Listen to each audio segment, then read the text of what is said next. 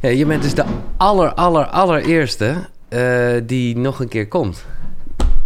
Nou, ik ben vereerd. Nou ja, zo, zo zeg ik het niet, maar... eh, Wat leuk, ja. ja, het, Tof. het- ik, ik, ik koester ook echt ontzettend het gesprek dat wij hier, eh, nou ja, hier ook aan tafel hadden. Ja, same. Maar toen hebben we het niet echt gehad over de invitation. Inmiddels is daar een boekversie van. Het is, nou ja, we gaan het erover hebben. En ik weet dat we vorige keer begon ik heel erg met, nou ja, wat, wat jij me geleerd hebt. Wat leeft er in mij? Maar ik dacht, oké, laten we dan voor nu. Want ik, ik zeg, als je dit nu luistert en je hebt aflevering 49 niet geluisterd, ga dat eerst even doen. Dat raad ik echt aan, want dan weet je gewoon wie jij bent en eh, dat soort shit. Maar, eh, ja, maar wij begon, ik begon toen heel erg met, oh, wat leeft er in mij? En, eh, en ik dacht, nou ja, misschien is het dan vandaag leuk als jij daarmee begint. Als er, Eh, Wat er in mij leeft? als er iets in je leeft, ja. Eh, gelukkig wel. nou, ik had een beetje hetzelfde als jij. Toen ik hierheen had ik echt zo'n gevoel van excitement. Ja, ja, en de ja. zin om je weer te zien. En eh, inderdaad even de herinnering van toen ik hier de eerste keer was, eh, hoe tof dat eigenlijk was. Ja. En wat een flow er dan ontstaat. Want ik heb natuurlijk ook, ik heb het ook teruggezien. Ja, oké. En ik ben dan altijd verbaasd over eh, wat er dan gezegd wordt, zeg maar. Eh, dat vind ik altijd super mooi. Dat is een soort the magic. Dus het is ook een beetje de, echt, ja. De anticipatie op, eh, nou, misschien gaat er gewoon weer wat moois gebeuren. Ja, nou, dan ga ik Dus vanuit. dat, dat leeft in mij. Eh, Hoe zit het verder? Want daar begon het er ook mee en ik heb daar nooit last van gehad. Maar ik weet dat jij het een beetje stagnerende... eh, je- ja, is oké nu. is oké. Is oké, ja, ja. Nee, ja, precies. Ik heb allemaal mooie gasten gehad hier, mooie gesprekken gevoerd, toch? Dus de goede Er vibes. gebeurt, nou ja, en ik zei dat ja, toen ik je hier binnenliet. En ja, ik weet niet of dat iets is wat jij dan per definitie gelijk voelt. Maar aangezien je heel erg bezig bent met de energie. Ja, ik zit volop in de liefde. En Ja, als het gaat over energie, dat merk ik zelf ook. Poeh, jongen, dat is de... Ja, daardoor voor mijzelf... eh, handen, in hoeverre ik daar eh, dat heel erg kan aanschouwen. Maar hangt er voor mij ook een hele andere energie... Nou, niet zozeer in dit huis, maar gewoon om mij heen in dit leven eigenlijk. Ja, man. Ja, nou ja, dat is denk ik het mooiste wat er is, toch? In, Ja. in love zijn. Nou, vind ik mooi dat je het zegt, omdat het ook wel vaak kapot gemaakt wordt, vind ik een beetje met... Oh ja, dat is even een... eh, Tijdelijk dingetje. ja, een tijdelijk dingetje, of een ziekte, of eh, een, Nee, eh, een soort afwijking, of... nee. Nee, ik denk dat echt, echt de, de Engelse betekenis van in love zijn, weet je, dat gevoel wat jij nu voelt, of wat Ja. je beschrijft, en, en het effect daarvan op jezelf en op je omgeving. Nou ja, ik denk dat dat iets is, een staat is die we eigenlijk gewoon ook de hele tijd zouden kunnen voelen. Ja, Eh, en dan zeg maar dus niet per se in love met een persoon alleen maar, maar ook met jezelf en de wereld en nou ja, alles wat het leven te bieden Ja. heeft. Ik denk dat dat gewoon kan. Dus ja, maar hoe zou jij, eh, om het toch gewoon even toch bijna, nou niet zo wetenschappelijk te maken, maar als je het terugbrengt naar energie, hè, tussen twee mensen dan, en ik ben met je eens hoor, liefde kan, kan je ook gewoon zelf vooral stralen, en dat is ook eigenlijk wat het is. Hmm. Alleen verliefd zijn en met elkaar een relatie hebben, ja, dat is toch een, een, een ja, het is een waanzinnige dynamiek natuurlijk. ja, Nou ja, weet je, ik denk dat als je echt verliefd bent, dat je gewoon even tijdelijk, of hopelijk heel lang, Ja. eh, een beetje uit je persoonlijkheid bent. ja, ja, ja, ja. En dus eigenlijk al die dingen waar je doorgaans op een dag last van hebt, die, zijn, die vallen dan gewoon weg door de verliefdheid. En dan voel je dus hoe het eigenlijk is om gewoon vrij, vrij te zijn en vrij te leven. Ja. Maar ook, ik merk wel dat het ook dicht kan liggen, juist omdat het ook wel dingen eh, nou, misschien aan het licht of aan het oppervlakte brengt. Het kan ook dicht weer even tegen oude patronen. Hè, dat je ineens weer Mm. Eh, ja, angsten voelt en denkt, oh, oh, ik kan geraakt worden. Dit is, misschien heeft niemand dat, is dat vooral een persoonlijk eh, ding Ik geweest. denk dat iedereen dat heeft. Nee. Ja.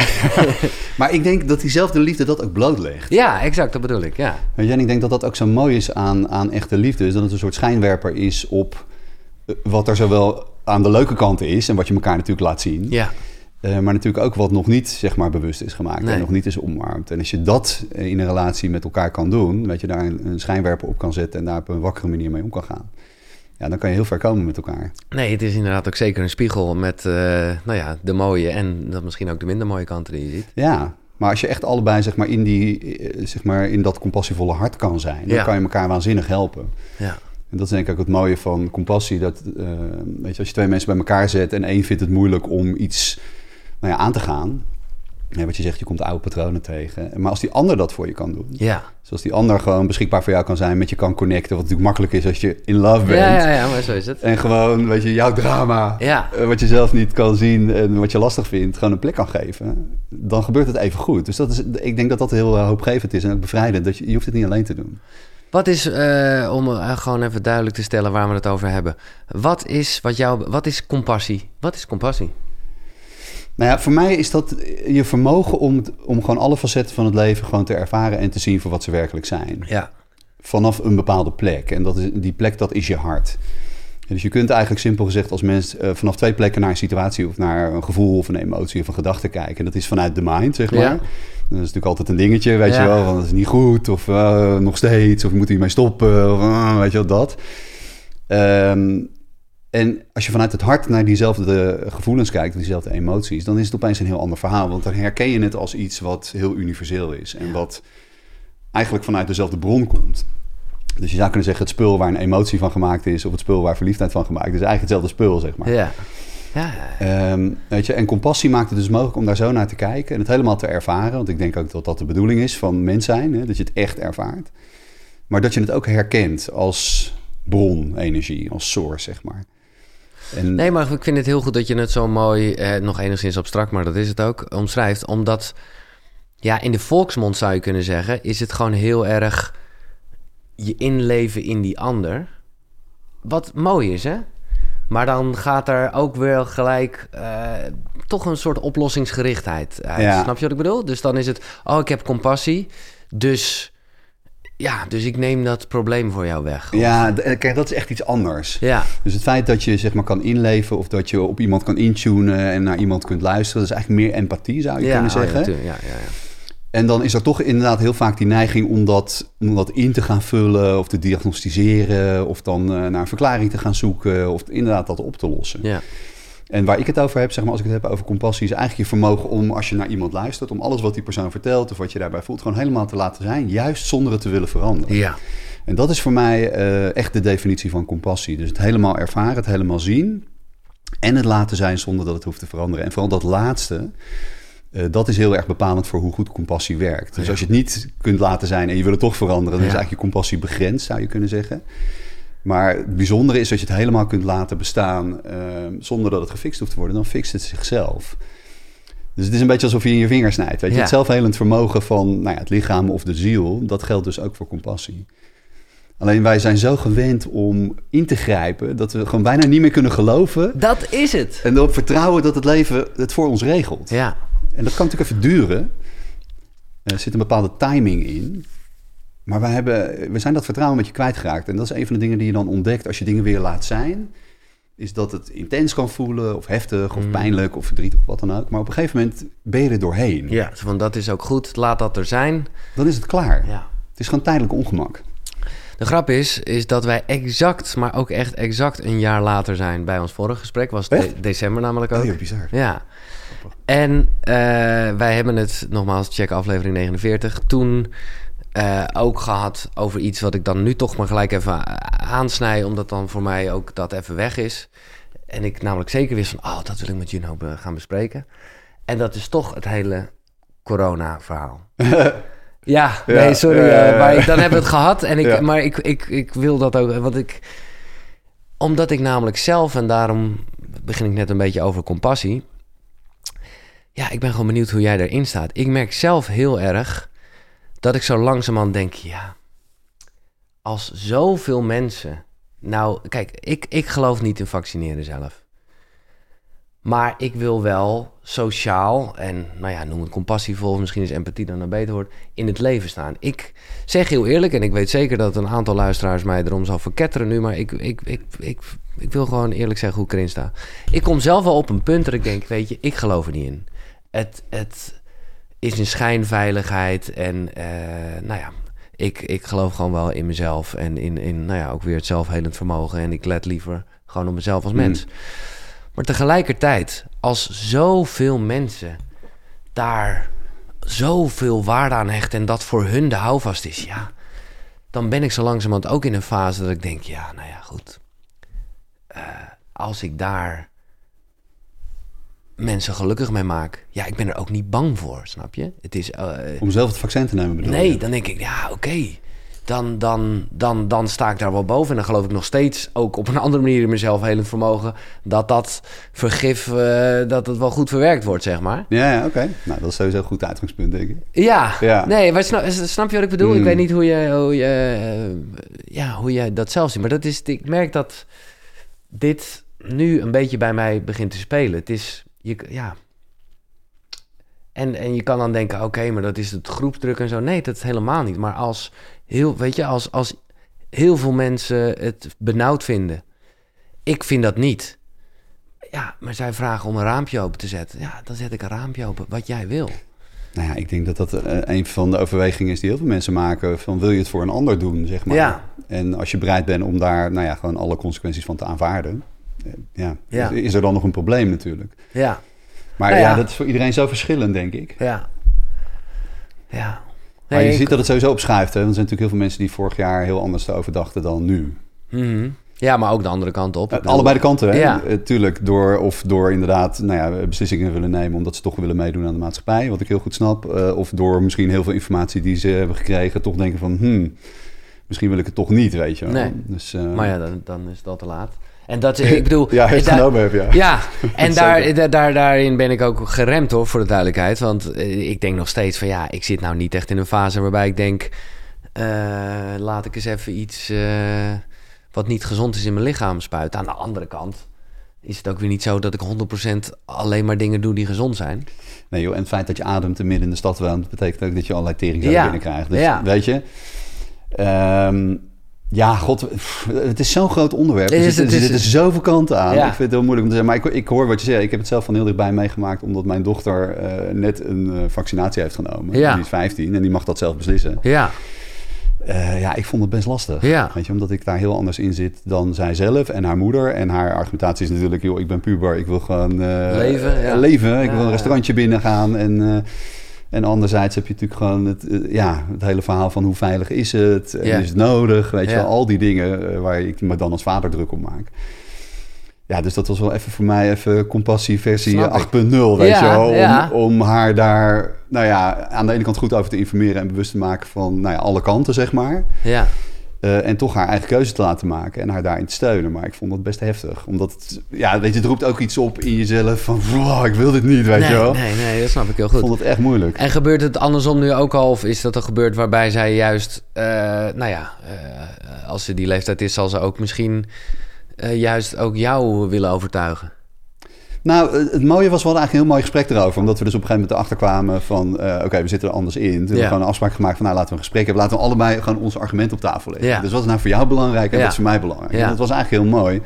Omdat je dan gewoon ziet dat het natuurlijk allebei even waar is. En het gaat gewoon over behoeftes, weet Ja. je wel. En ik snap haar gewoon supergoed als, eh, als meisje van 15. Dat is ook heel logisch. Ja. En ik snap ook dat zij denkt van... joh, maak je niet zo druk, weet je wel. Komt allemaal wel goed. En Ja. Eh, je brein werkt ook niet zo, weet je... dat je kan overzien van als ik dat nu neem... dat ik misschien over een jaar Nee. ziek word of Nee. weet ik veel wat. Weet je, je leven bij de dag. Dus het zijn gewoon twee werelden die je eigenlijk niet bij elkaar kan brengen. Nee. Maar het is best bizar hier in Nederland dat je gewoon als kind van 12 jaar mag beslissen over je eigen vaccinatie en je eigen abortus.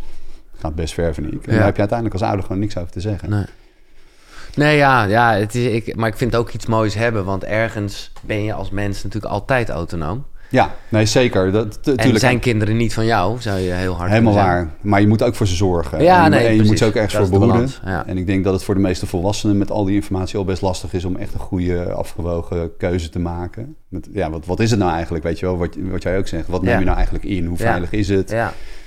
Dus ik heb op een gegeven moment wel bedacht, we hou- we houden zo over op hoor. Maar ik, ik vind het lekker om met jou hierover te hebben. Omdat ik gewoon jou wel een, ja, een mooi gevoelsmens vind. Wat, wat het allemaal een beetje kan plaatsen. Kijk, op een gegeven moment, je kan natuurlijk ook eh, denken van... Oké, eh, even in de meest extreme situatie. Dat is wel heel erg complotdenkend. Maar oké, misschien eh, ben ik binnen een jaar gemuteerd tot weet ik veel wat. Maar dan, dan nog heb ik bijna zoiets van ja... Maar goed, dan zijn zoveel mensen dat dan wil ik daar misschien ook dan bij horen of zo, snap je? Want wie ben je dan als je dan dat niet hebt gedaan... terwijl echt je naaste omgeving... Fuck. Nou ja, ik denk dat dat misschien wel gewoon de kern van het probleem is. Dat je gewoon dat iedereen zijn eigen keuzes wil en moet, zou moeten kunnen maken. Ja. Eh, alleen daar is niet genoeg ruimte voor. Nee. Wat je nu natuurlijk ziet, is dus juist als je het niet doet, dan zit je eigenlijk in de verkeerde hoek. Ja, Ik vond het heel bizar, want ik, eh, weet je, mijn familie, ik, heb een, zeg maar een Joodse historie. En eigenlijk niet zo heel lang geleden was eigenlijk een heel groot deel van mijn familie zat aan de kant van de mensen die gewoon vet gediscrimineerd wordt. En daar zit ik nu zelf ook. ja. Doordat ik hè, Ja. ge- geen vaccin ja. neem, Nee, nee. eh, ben ik opeens degene die gewoon weet je, niet meer ergens naar binnen kan lopen en straks niet meer in een vliegtuig kan stappen. En dat voelt eigenlijk heel raar, weet je, om, om opeens te denken van fuck, nu ben ik gewoon dus aan de beurt. Als ik daar niet in meega. Ja. Weet je? Dus dat is best wel een... Dus ik, ik kan echt eh, voor iedereen echt heel veel begrip opbrengen, welke reden dan ook. Precies. Maar echt hoor, ik bedoel niet vanuit, nou ja, whatever, maar meer van, nou, ik snap het echt, weet Ja. je. Maar ik zou het ook fijn vinden als dat wederzijds zou zijn. Ja. En dat is wat ik nu wel een beetje mis. Weet je, dat, je niet, dat dat niet naast elkaar kan bestaan. Nee. Nee, nou ja, precies. En dat is dan op een gegeven moment mijn afweging dat ik denk van, nou ja, oké, ik, ik, ik geloof er niet in. En eh, ik ben iemand die nog wel heel erg in het leven staat. Dus ik, ik laat me testen als een malle. Ja, wat ik ook vreselijk vind. Maar dan, ja, ergens vind ik dat überhaupt meer veiligheid. Als je al voor veiligheid kan, kan spreken, dan, dan Mm. denk ik, ik heb een prikje en het gebeurt me niet meer. Ik bedoel, dat leert ervaring nu wel. Ja. Maar het is dan meer dat je dan, ja, daarom begon ik erover naar aanleiding van het woord compassie. Dat ik gewoon denk, oké, ja, Nou ja, op hele grote schaal, weet je had het net even over conspiracy, weet je. Stel dat dat allemaal waar is. nou ja. Ja, dus dat er echt eh, donkere, duistere krachten aan het werk zijn. Ja. Nou ja, dan wordt je compassie natuurlijk aardig op de proef gesteld. Want ergens, als dat zo is, eh, dan is dat natuurlijk ook een reflectie van onze binnenwereld. Dit is eigenlijk wat er nu op wereldschaal gebeurt. Tenminste, zo kijk ik daarnaar. Eh, dat geeft natuurlijk wel aan waar wij als mensen ook individueel zijn. Ja, En natuurlijk heel veel mensen hebben gewoon nog steeds niet hun schaduwstukken opgelost. Dus er zit nog best wel wat darkness in, nou ja, individuen aan zich al. Maar ja, dat laat zich nu ook zien op het wereldtoneel. Dat wordt enorm uitvergroot. ja, ik weet dat je de vorige keer erover zei, en dat gaf me toen ook wel voor hoop en nog steeds. Hè, eh, dat, dat je een soort fases kan, je- dat je krijgt van een wake-up, een clear-up en een grow-up. Ja, nou ja, ik denk dat we daar heel erg in zitten. Ik denk dat heel veel mensen wakker worden, zeg maar. Ja. Dat, zie je echt wel massaal gebeuren. Maar die stap daarna, clean-up, zeg maar, dat is iets waar de meeste mensen natuurlijk geen zin in hebben. Nee. Die van, oké, ik, ik zie nu van alles om heen gebeuren en ik zie ook de dark side. Eh, en mensen dan zoiets van, oké, laten we die gewoon van de planeet afmikken en gewoon verder gaan. Ja. Maar dat kan niet. Nee. Dat gaat dus niet. En dat Nee. is natuurlijk een beetje waar het ook hapert en waar je ook... eh, in best veel spirituele tradities ook gewoon nu ook ziet dat mensen daar eigenlijk met een grote boog omheen gaan. Toch nog steeds alleen maar bezig zijn met positief denken. Ja, en ja, moed- ja, gewoon eh, moodboards maken en de happiness uitknippen. En, weet je, dat soort dingen. de donkere... De maar de donkere, nee, nee. maar dat, dat wil je ook niet. En eigenlijk is dat een beetje het pleidooi om de invitation te, Ja. te beginnen. In ieder geval in instantie de community. Om juist eh, als mensen eh, individueel dat doen, hè, hun schaduwstukken aangaan, dat ze daarmee dus ook een bijdrage leveren aan het collectief. En ik denk dat dat heel hard nodig is. Ja, Ehm, dus- laten we gaan het daarover hebben. Eh, Maar bedankt voor je advies. Of althans, ik weet niet of je dat echt gegeven hebt, maar... Ik, nou ja, het is iets wat speelt in mijn hoofd. ik En, snap het. Ja, iedereen heeft er natuurlijk mee te maken. Je moet Ja, soort nee, maar ik dacht, ik dacht Ja. gewoon echt, dat, dat vind ik nog het gekke eraan, dus laten we ook over zeggen, dat ik gewoon dacht van, hey, ik heb daar een stelling in genomen, dat voelt voor mezelf heel erg goed. Ja. En dat voelt ook echt heel erg goed. Ja, Eh, en klaar erbij. Alleen, eh, ik ken ook wel van vroeger mijn moeder, die, die, ja, die, die, die, die kijkt er natuurlijk gewoon wat anders naar. Dat vind ik, dat snap ik. Als je elke avond tv kijkt, dan heb je een heel ander beeld eh, Ja, van de wereld. Dus die ging dat echt een beetje wegzetten als, oh god, jij moet weer recalcitrant zijn. En ik vond het wel grappig dat ze dat zei, omdat ik wel, ik snapte waarom ze het zei. En ik, maar ik dacht ook ergens, ja, en misschien is het ook wel zo, in de zin van, dat is eh, vanwege dat hele polariseren wat je net beschrijft. Als je eenmaal een standpunt hebt ingenomen, dan kan je daar bijna niet van terugkomen. En ergens voel Ja. ik nu juist dat ik denk, ah, misschien ben ik wel gewoon nu echt zo vrij hierover in mijn hoofd dat ik denk, joh, dan doe ik het. Ja, nou ja. Ik moet opeens denken aan, eh, je hoort soms van die verhalen van eh, mensen die eh, 100 wonen, 100 Ja, ja, ja. worden en drie pakjes sigaretten per dag roken, Ja, ja, weet je wel? ja, ja, nee, precies. Dat je echt denkt, oké, hoe kan dat?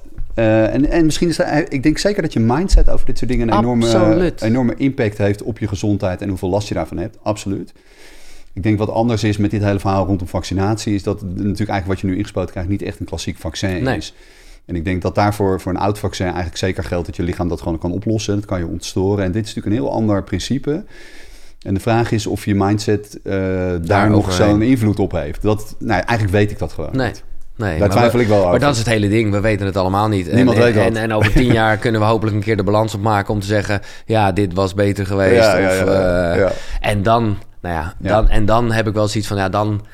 eh, zou ik het mezelf misschien makkelijker vergeven als ik gewoon dan toch maar mee ben gegaan in wat men van mij verwachtte. Wat, eh, terwijl ik het me hoor zeggen, denk ik, dit is totaal niet wie ik ben, maar toch eh, Ja. kan ik dat misschien dan beter verantwoorden dan dat ik dacht, kut, ik moest zo nodig eh, mijn eigen gevoel volgen en, en ook wel mensen in mijn omgeving. En daardoor heb ik het proces van herstel vertraagd. Of ja, ja, Ja, dat weet ik gewoon Nou ja, ik denk dat voor al die beslissingen die je neemt, eh, dat het altijd interessant is om te kijken vanuit welke plek doe je dat eigenlijk. Weet je, want je kan natuurlijk ook zo'n besluit nemen vanuit schuldgevoel, of vanuit Mhm. een oud patroon, weet je, wat nog vanuit je jeugd ergens zit. En dan denk je dat je iets goed doet, maar dan kom je eigenlijk vanuit een enorme pijnplek. Terwijl als het gewoon helemaal goed voelt om, weet je, eigenlijk over je eigen principes heen te stappen en dat voor iemand anders te doen, Ja. is ook super mooi. Als daar Ja. geen lading op Nee. zit, als dat geen ding voor je is. Dat gevoel heb ik in ieder geval, maar daar ga ik nog eens goed op zitten met mezelf. eh, dat is interessant om te kijken, weet je. Want vaak als je heel diep kijkt, dan denk ik, mm, oké. Misschien doe ik het toch wel om een Nou ja. voetje te halen of omdat ik eh, gewaardeerd wil worden. Of, Dat eh, ja, nee, Dat dat, kan. eh, true. Weet je, en dat is interessant om te ontdekken. Dat je denkt, oh, wacht even. Dat, vanuit het die plek wil ik eigenlijk niet Nee. zo'n keuze maken. Nee, zeker niet. Nee. Oké, ehm, de Invitation. Dit dit is iets wat al een tijd bestaat en waar jij nu gelukkig een boek van hebt geschreven. Eh, ik lees gewoon even voor eh, wat het is. Eh, De Invitation is de uitnodiging om zeven dagen lang op radicaal andere wijze met je ervaringswereld om te gaan. Een mooie term van jou is je favoriete probleem. Om die bewust te maken en eh, door dat te doen ervaar je hoe je daar bewust en onbewust op reageert. En vervolgens laat je die reacties volledig zijn zoals ze zijn, zonder ze te willen veranderen. Dat is wat het is. Dat is het, ja. Ja, en Ja. dat is machtig mooi. Ja, ik zou het leuk vinden, eh, omdat het eh, voor jou echt open source is. Als in iedereen kan zich aansluiten bij die, bij die Facebookgroep. Dus om toch even de dagen gewoon door te nemen, die zeven dagen. Ja. ik- het lijkt mij heel leuk. Ja, Eh, en de eerste dag hebben we al een beetje besproken, maar dat is toch makkelijker gezegd dan gedaan, vind ik. Namelijk dag één, wat leeft er in mij? ja. Nou ja, dat Omdat het, soms zijn het hele grote dingen, dan is het gewoon onrust. ja. Maar wat, wat is, is dat boosheid? Is dat verdriet? Is dat Weet je, dat Ja. is... ja, dat hoef je dus niet eens uit te zoeken. Dat, Nee, is, dat is zo leuk ervan. Maar weet je, het gaat natuurlijk eigenlijk over het opmerken van eh, energieuitwisseling. Dus dat je op een dag natuurlijk gewoon door te leven ontzettend veel mensen tegenkomt. Je komt op plekken, je- brengt tijd met jezelf door. En de hele dag door verandert eigenlijk je binnenwereld. Ja. Eh, alleen voor de meeste mensen is het contact met die binnenwereld heel erg onduidelijk. Of soms heel erg nieuw ook. Ja. En dat heeft heel erg te maken met spanning. Dus heel veel mensen hebben natuurlijk stress in hun lijf. En die stress of die spanning wordt de hele dag aangetikt eh, en daarin word je getriggerd. En als je getriggerd wordt, ben je met je aandacht nou ja, of in een of ander verhaal in het verleden of in de toekomst. Dat is eigenlijk waar de meeste mensen Ja. uithangen. Ja. Eh, en als je daar zit met je aandacht, dan is die hele eh, energetische uitwisseling tussen jou en je omgeving is even goed daar. En die gebeurt. Alleen er is gewoon simpelweg niemand thuis om dat op te merken. Dat is het eigenlijk. Dus daar begint voor heel veel mensen deze reis. Eh, en, en door jezelf die vraag te stellen, wat leeft er nu mij? Connect je dus opeens weer met wat er altijd al aan de gang is. Alleen waar gewoon nooit iemand op lette voorheen. Nee. En alleen dat al is dus voor heel veel mensen een soort... Wat? Wat what's going on? Weet je? Het is echt een soort verrassend, maar soms ook heel confronterend. En- Super confronterend. En chockerend ook voor mensen. En een van de grappige dingen waar mensen achterkomen... is dat ze ook denken van... Nou, ik heb echt altijd het gevoel dat ik me de hele dag kloten voel... of de hele dag blij. Maar als je, omdat je dit dus zeven keer per dag doet... zet je zo'n wekkertje en zeven keer per dag stel je jezelf die vraag... wat leeft er nu bij? En mensen zoiets van... Nou, vanochtend stond ik op, toen was ik vet zagrijnig. Maar toen ik om één uur 's middags checkte, was ik helemaal blij. Dus die hebben zoiets van... Oh, maar dit gaat tijd zo. Dat gaat precies. En dan heb je eigenlijk die golfbeweging niet door, omdat je nou ja, aan het eind van de dag weer eh, in slaap valt met... Nou, dit was dus weer een hele zagrijnige dag. Dat is wat je, ja, precies. ja, ja, Terwijl je ook ja. maar eens highs en lows hebt. En dat Ja. is zo, zo super gaaf om te ontdekken. Ehm, maar in het design van de invitation heeft die vraag ook een hele belangrijke functie. Want los van het feit dat dat eigenlijk het, het vertrekpunt is waar veel mensen starten met, eh, met zo'n week dan, zeg maar, als ze meedoen. eh, doet die vraag gewoon een paar hele waardevolle dingen voor je, zeg maar. En dat eh, dus sowieso, nou ja, het laat dus zien hoe het op een dag allemaal wisselt. Maar het, laat ook, het is ook een soort reality check. En dus als je aan mensen vraagt, hey, hoe gaat het? Ja, ja, gaat lekker, weet je wel. Dat. En dan gaan ze eigenlijk, als je dit dan gaat doen, dan denk je, nou ja, het ben gaat helemaal niet zo lekker, weet je. Ik voel me gewoon vet verdrietig of zo. Ja. En dat is voor mensen een soort, eh, ja, zo, oh, rauw en direct en eerlijk. Weet je, en dat is ook mooi, want daar kan je wat mee. Ja, dat kan je. Dus- Maar eh, confronterend is het zeker. Ik, eh, nou ja, bij ons vorige gesprek was ik heel erg benieuwd naar Vipassana. Ook omdat ik wist dat ik het toen elk moment zou gaan doen. Ik heb het inmiddels gedaan. Nou, het is, dat is één grote... Wat leeft er in mij? Tien dagen lang, hoor. Ja, en 14 uur ik dacht oprecht dat ik eh, dat boosheid, ik heb dat ook wel regelmatig in eh, het gesprek hier gehad, dat, ik die emotie niet echt kende. Ja, ja, maar die kwam daar echt... Man, dat bleek, bleek ik super goed te kennen. Ja, en ik wilde op een gegeven moment eh, de gast naast mij gewoon neerslaan omdat hij geluiden maakte. En ik dacht, wow, wat gebeurt hier allemaal? Super interessant. En dat, ik bedoel, nu klinkt het allemaal heel relaxed. Dat uiteindelijk leverde dat heel veel inzichten. Ja, in. Dus omdat je het er gewoon even laat zijn en denkt, ah, oké, oké. Maar zou je, ja, het is een wat grootse vraag, maar zou je tips kunnen geven om deze vraag te beantwoorden? Hoe kan je goed voelen eh, ja, wat er in je leeft? Nou, kijk, een van de dingen die die vraag voor je doet... is dat het je ook weer opnieuw verbindt met je lichaamstaal. Ja. En, dat, en dat is dus iets wat heel eh, nou ja, direct is voor mensen. Omdat natuurlijk... Kijk, wij ervaren dit leven door ons, via ons lichaam, via de zintuigen. Dus doordat je jezelf die vraag stelt en gewoon even gaat zitten... connect je ook weer met die lichaamstaal. Ja, maar dit, dit is waar ik in het begin zo'n struggle mee had. Omdat ik letterlijk uit verbinding was. Dus ook Ja. niks voelde. Dus dat, Ja. en inmiddels door, eigenlijk gek genoeg door sporten... en ook door allerlei andere dingen die ik gewoon lekker ben ondergaan... ben ik beter geworden in dat ik denk, Ja. hey, ik voel iets. En dan kan ik het nog niet altijd plaatsen... maar dan denk ik wel, oh, het is niet voor niks dat ik nu even Ja, letterlijk een steekje in mijn buik krijg. Maar zelfs daarvoor, het- Ja, ja. als je jezelf die vraag stelt... en je constateert dat je niks voelt, dat is het al. Ja, dat is het al. Ja, ja. Alleen Lekker. dat is zo direct... Oh ja. Weet je, dat je denkt, oh, ik doe iets niet goed, want ik moet nu van alles voelen of films zien of beelden Nee, of nee. vorige leven. Eigenlijk zeg jij, geen verbinding is ook verbinding of zo. Of, eh, het, ja, het, is gewoon, niet. het is gewoon wat er is. Ja. Ik voel geen verbinding. Nee. Ja. Maar weet je, dat is zo closer than close dat je er overheen kijkt en Ja. denkt, oh, doe het niet goed of Ja, zo. ja, ja, mooi. En dat is het al. Weet je, dus het, het is echt via de zintuigen. Dus het is niet alleen gevoel. Want jij zegt nu, ik voel niks. Ja, ja. Maar het gaat ook over eh, het registreren van je gedachten. En het waarnemen van fysieke sensaties en emoties en gevoelens. Eh, en dat zijn allemaal verschillende dingen die dus via je lichaamstaal duidelijk worden. Want dat is hoe je lichaam de hele dag met je aan het communiceren Mhm. is. Van joh, dit gebeurt er nu. Dus als je weer connect met je lichaam ja. en luistert naar die lichaamstaal... dan kom je er dus achter dat dat lijf voortdurend tegen je aan het praten is. Echt 24-7. Ja. En dat is ook een hele ontdekking voor mensen. Alleen, dat is soms ook heel subtiel. Dus mensen denken dan gelijk van, oh, nu is het vuurwerk en eh, nou, alles wordt gelijk duidelijk. Maar het zijn vaak hele kleine dingen. Kan ook heel heftig zijn, wat jij ook zei. Ja. Maar heel vaak begint het met, oh, kleine dingetjes. Het gaat heel snel, weet je, je neemt iets waar en dan is het alweer voorbij. Dus het is ook een beetje onderdeel van de training dat je er op een gegeven moment achter komt van, oh ja, hoe meer ik eigenlijk tegen dat lijf aanschurk en weer naar die lichaamstaal ga luisteren, hoe duidelijker dat wordt. Ja. Dus dat is echt een dimensie. En is de kracht ook juist van wat jij zegt met, met zo'n wekkertje zetten, dat je er dus niet, dat je er misschien juist niet even helemaal voor gaat zitten, of juist. Nee joh, je bent gewoon aan het leven. Ja. En je trekt gewoon even eh, aan de Nee, noodrem. En dan van, oké, gewoon even zo, weet je. Omdat het dan gewoon veel beter er is dan dat je er helemaal voor gaat zitten. Of, of nou ja, ik ken ook zo'n methode, de, de, de Artist Way, waarbij je 's ochtends drie kantjes opschrijft. Ik heb het nooit gedaan hoor, het lijkt me nog wel geinig om een keer te doen. Omdat Ja. dat ook heel erg eigenlijk is, is wat leeft er in mij. Maar, dit, maar het leuke van de invitation is dat het gewoon zo praktisch is. Je bent gewoon aan het leven. Je Ja. hoeft je niet terug te trekken uit Nee. het leven. Je hoeft niet eh, in je, in je agenda te zetten van, oh, dan ga ik mediteren. Nee. Weet je, het is gewoon in real, meditatie in real life met Ja. je ogen open. Dat is het in essentie. Oké, dag 1, wat leeft er in mij? Dat is duidelijk. Ja. Dan komt dag 2, de dag van de conditionering.